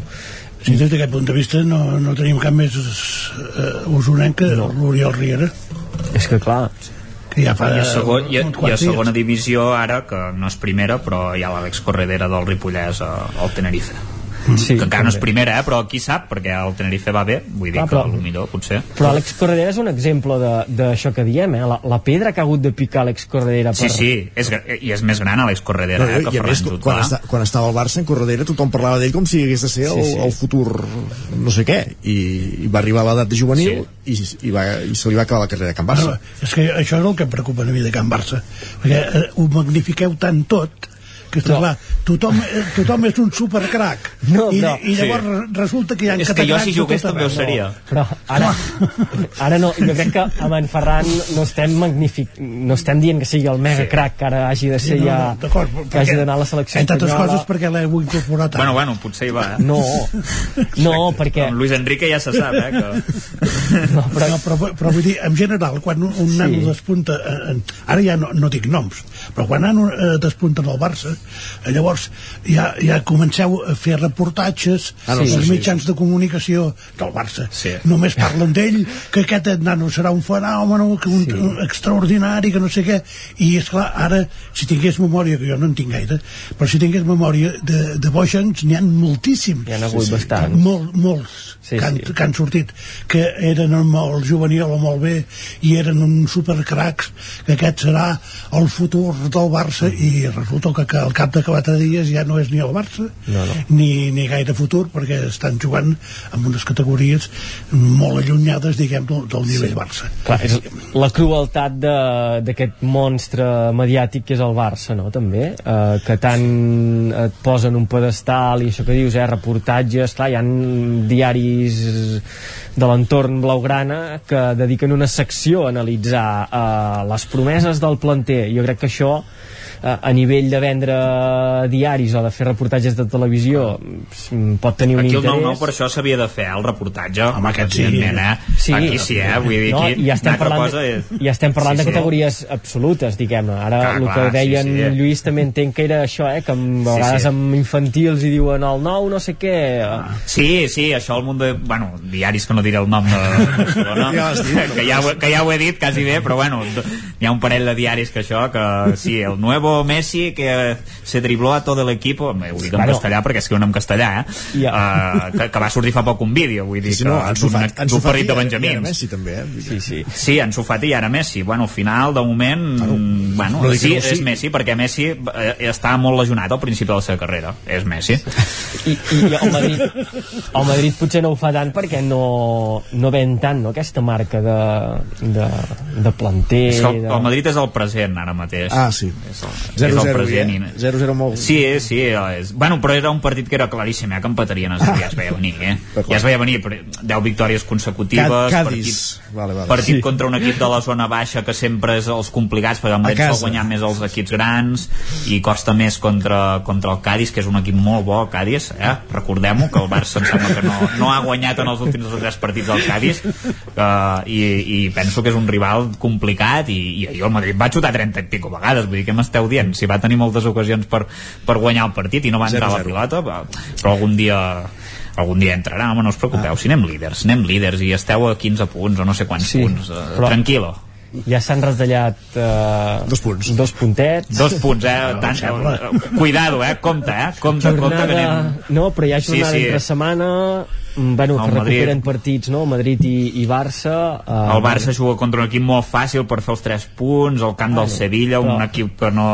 Espero que empateu, almenys, i ens feu un favor. Perquè nano de Sant Julià ho farà bé. Sí. No, i Sí, sí. estem en un moment de, de tot o res. Vull dir, ara ja eh, guanyar el Sevilla et pot reenganxar de nou a, a la il·lusió, a començar A a, la escalar posicions i en cas que es perdi la Lliga jo crec que sí que quedarà força ja eh, allunyada com està ara mateix és, és una evidència eh, I el- però I bueno, la Copa del Rei, no? Tot? Mm. Tot es basa... Oh, tot ja- es, ja s'apostarà la Copa del Rei, no? Ja, El ja gran veuràs el Linares. El Linares sí, Sí, sí, sí, sí. serà de bo ara. Sí. Hòstia, Lluís, et volia comentar una cosa que no t'ho vaig comentar l'altre dia, que, que, que us va marcar un gol de cap un, no, un noi que es deia Frodo, eh? Sí, bueno, no us diu... Que això, que això, és una, això és un acudit bastant important que un hobbit us pugui mandar un córner, eh? Vull dir, però, la- però bé l'Espanyol, eh, a la Copa, que almenys sí que se l'està prenent seriosament i encara que li toquessin dos rivals molt assequibles, doncs ho va tirar endavant que altres equips no ho poden dir. Sí, i, i el que veig és que eh, València, per exemple, les va, Va passar punyeteres, sí. el, el Sevilla El- es va el classificar Betis. per penals, el Betis també, vull dir que no... Sí. O sigui, el fet de Que jugar... mèrit, sí, que sí. sí, eh, jugues a, a, contra un equip de la cinquena categoria, el partit únic i a casa seva, i les circumstàncies poden ser molt, molt especials i llavors això, aquest és, això és el, que, el, el cas que es dona i aquest nano que, que aquest nom tan estrany es veu que és un golejador d'aquestes categories que és, és, és un supercrac i només Sí, sí, en va sí. tenir una i la va fotre dintre vull dir que és així Clar, és que això se'ns escapa. A vegades amb aquestes categories no, eh, hi han jugadors que tenen qualitat, que tenen, diguem, sang a les venes, que tenen això, gol, que fa molts anys que marquen gols, però que pel motiu que sigui no han acabat de fer mai el pas cap a un al món professional.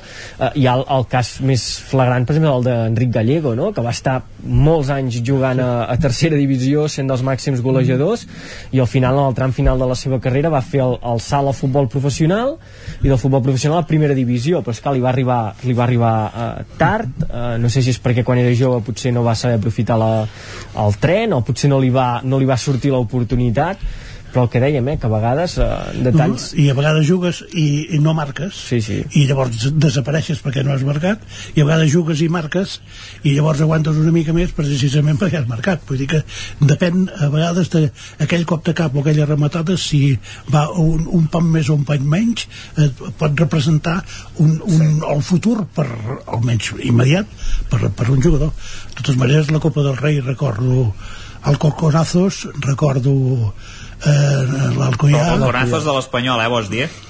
El vostre, eh? El nostre no, eh? Home, com que no? Vau tenir un, no? Vau tenir un vosaltres, no? Sí, però el sonat- Amb l'Alcorcón, també? El Sonat, sí, el Alcorcón va eliminar un any l'Espanyol, Ah, però... bueno, però- però no, home. Però, Va, ara pensava per això que parlava del Corconazo, com que parlàvem de l'Espanyol, pensava que parlava del seu. Jo, jo parlava del Novelda també, que va eliminar el Barça eh, el Ah, sí, Figueres, sí, hòstia. el Figueres va eliminar el Barça La Gramenet, la Gramenet. exactament, la Gramenet va eliminar el Barça vull dir que la, la Copa del Rei aquesta eh, jo d'aquesta manera a la que entren equips de, de, de segona divisió ja els faria doble partit jo el primer sí que ho entenc perquè rebre doncs això Casa, eh, sí. qualsevol, qualsevol d'aquest- d'aquests doncs és una festa independentment del resultat i que per exemple el Villarreal ha fet dues golejades i no està, no s'ha estat de punyetes els altres doncs, Sí. han anat més justets però tothom més o menys ha passat i qui no ha passat doncs és equips com el Llevant i com l'Alavés que ja tenen prou feina i que es volen Sí. centrar a la Lliga El, els eliminats de primera, per això, eh, fixeu-vos que tots tenen una cosa en comú, són dels cinc últims últims, eh?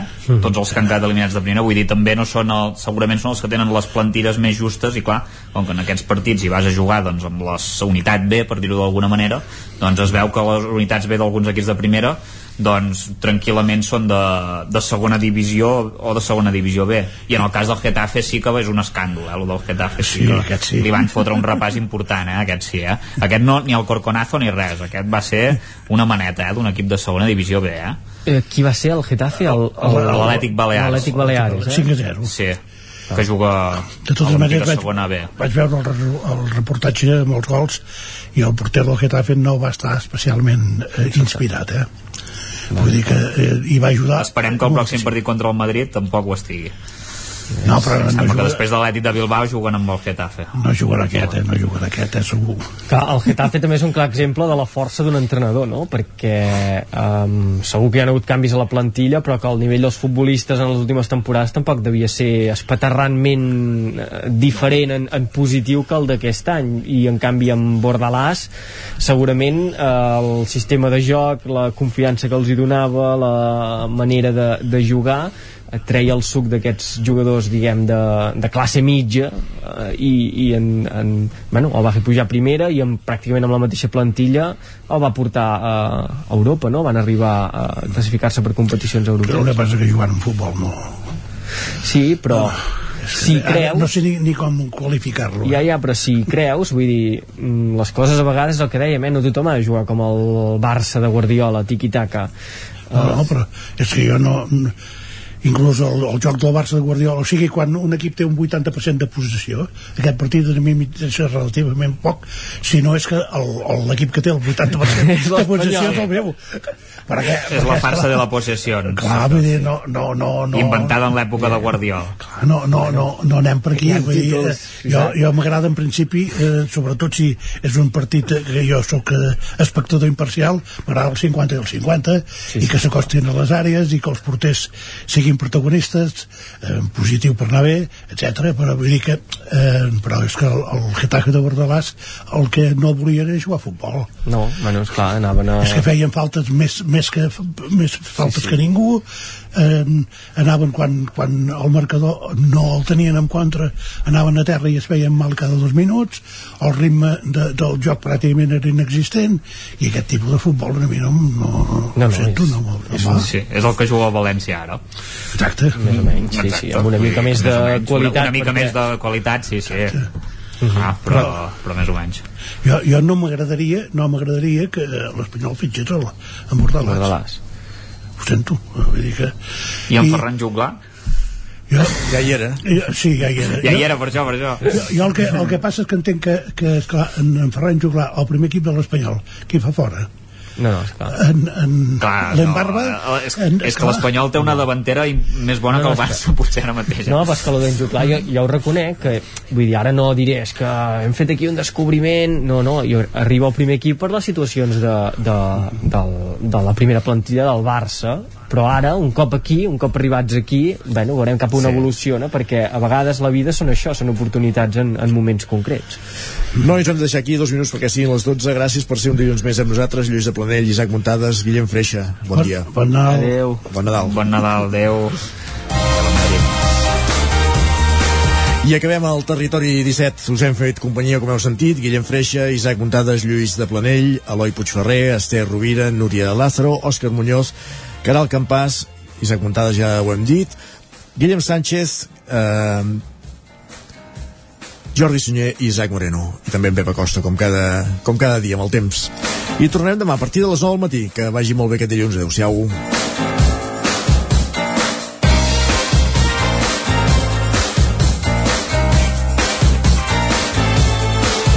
Territori 17 un magazín del nou FM. La veu de Sant Joan, Ona Codinenca i Ràdio Cardedeu amb el suport de la xarxa. El nou FM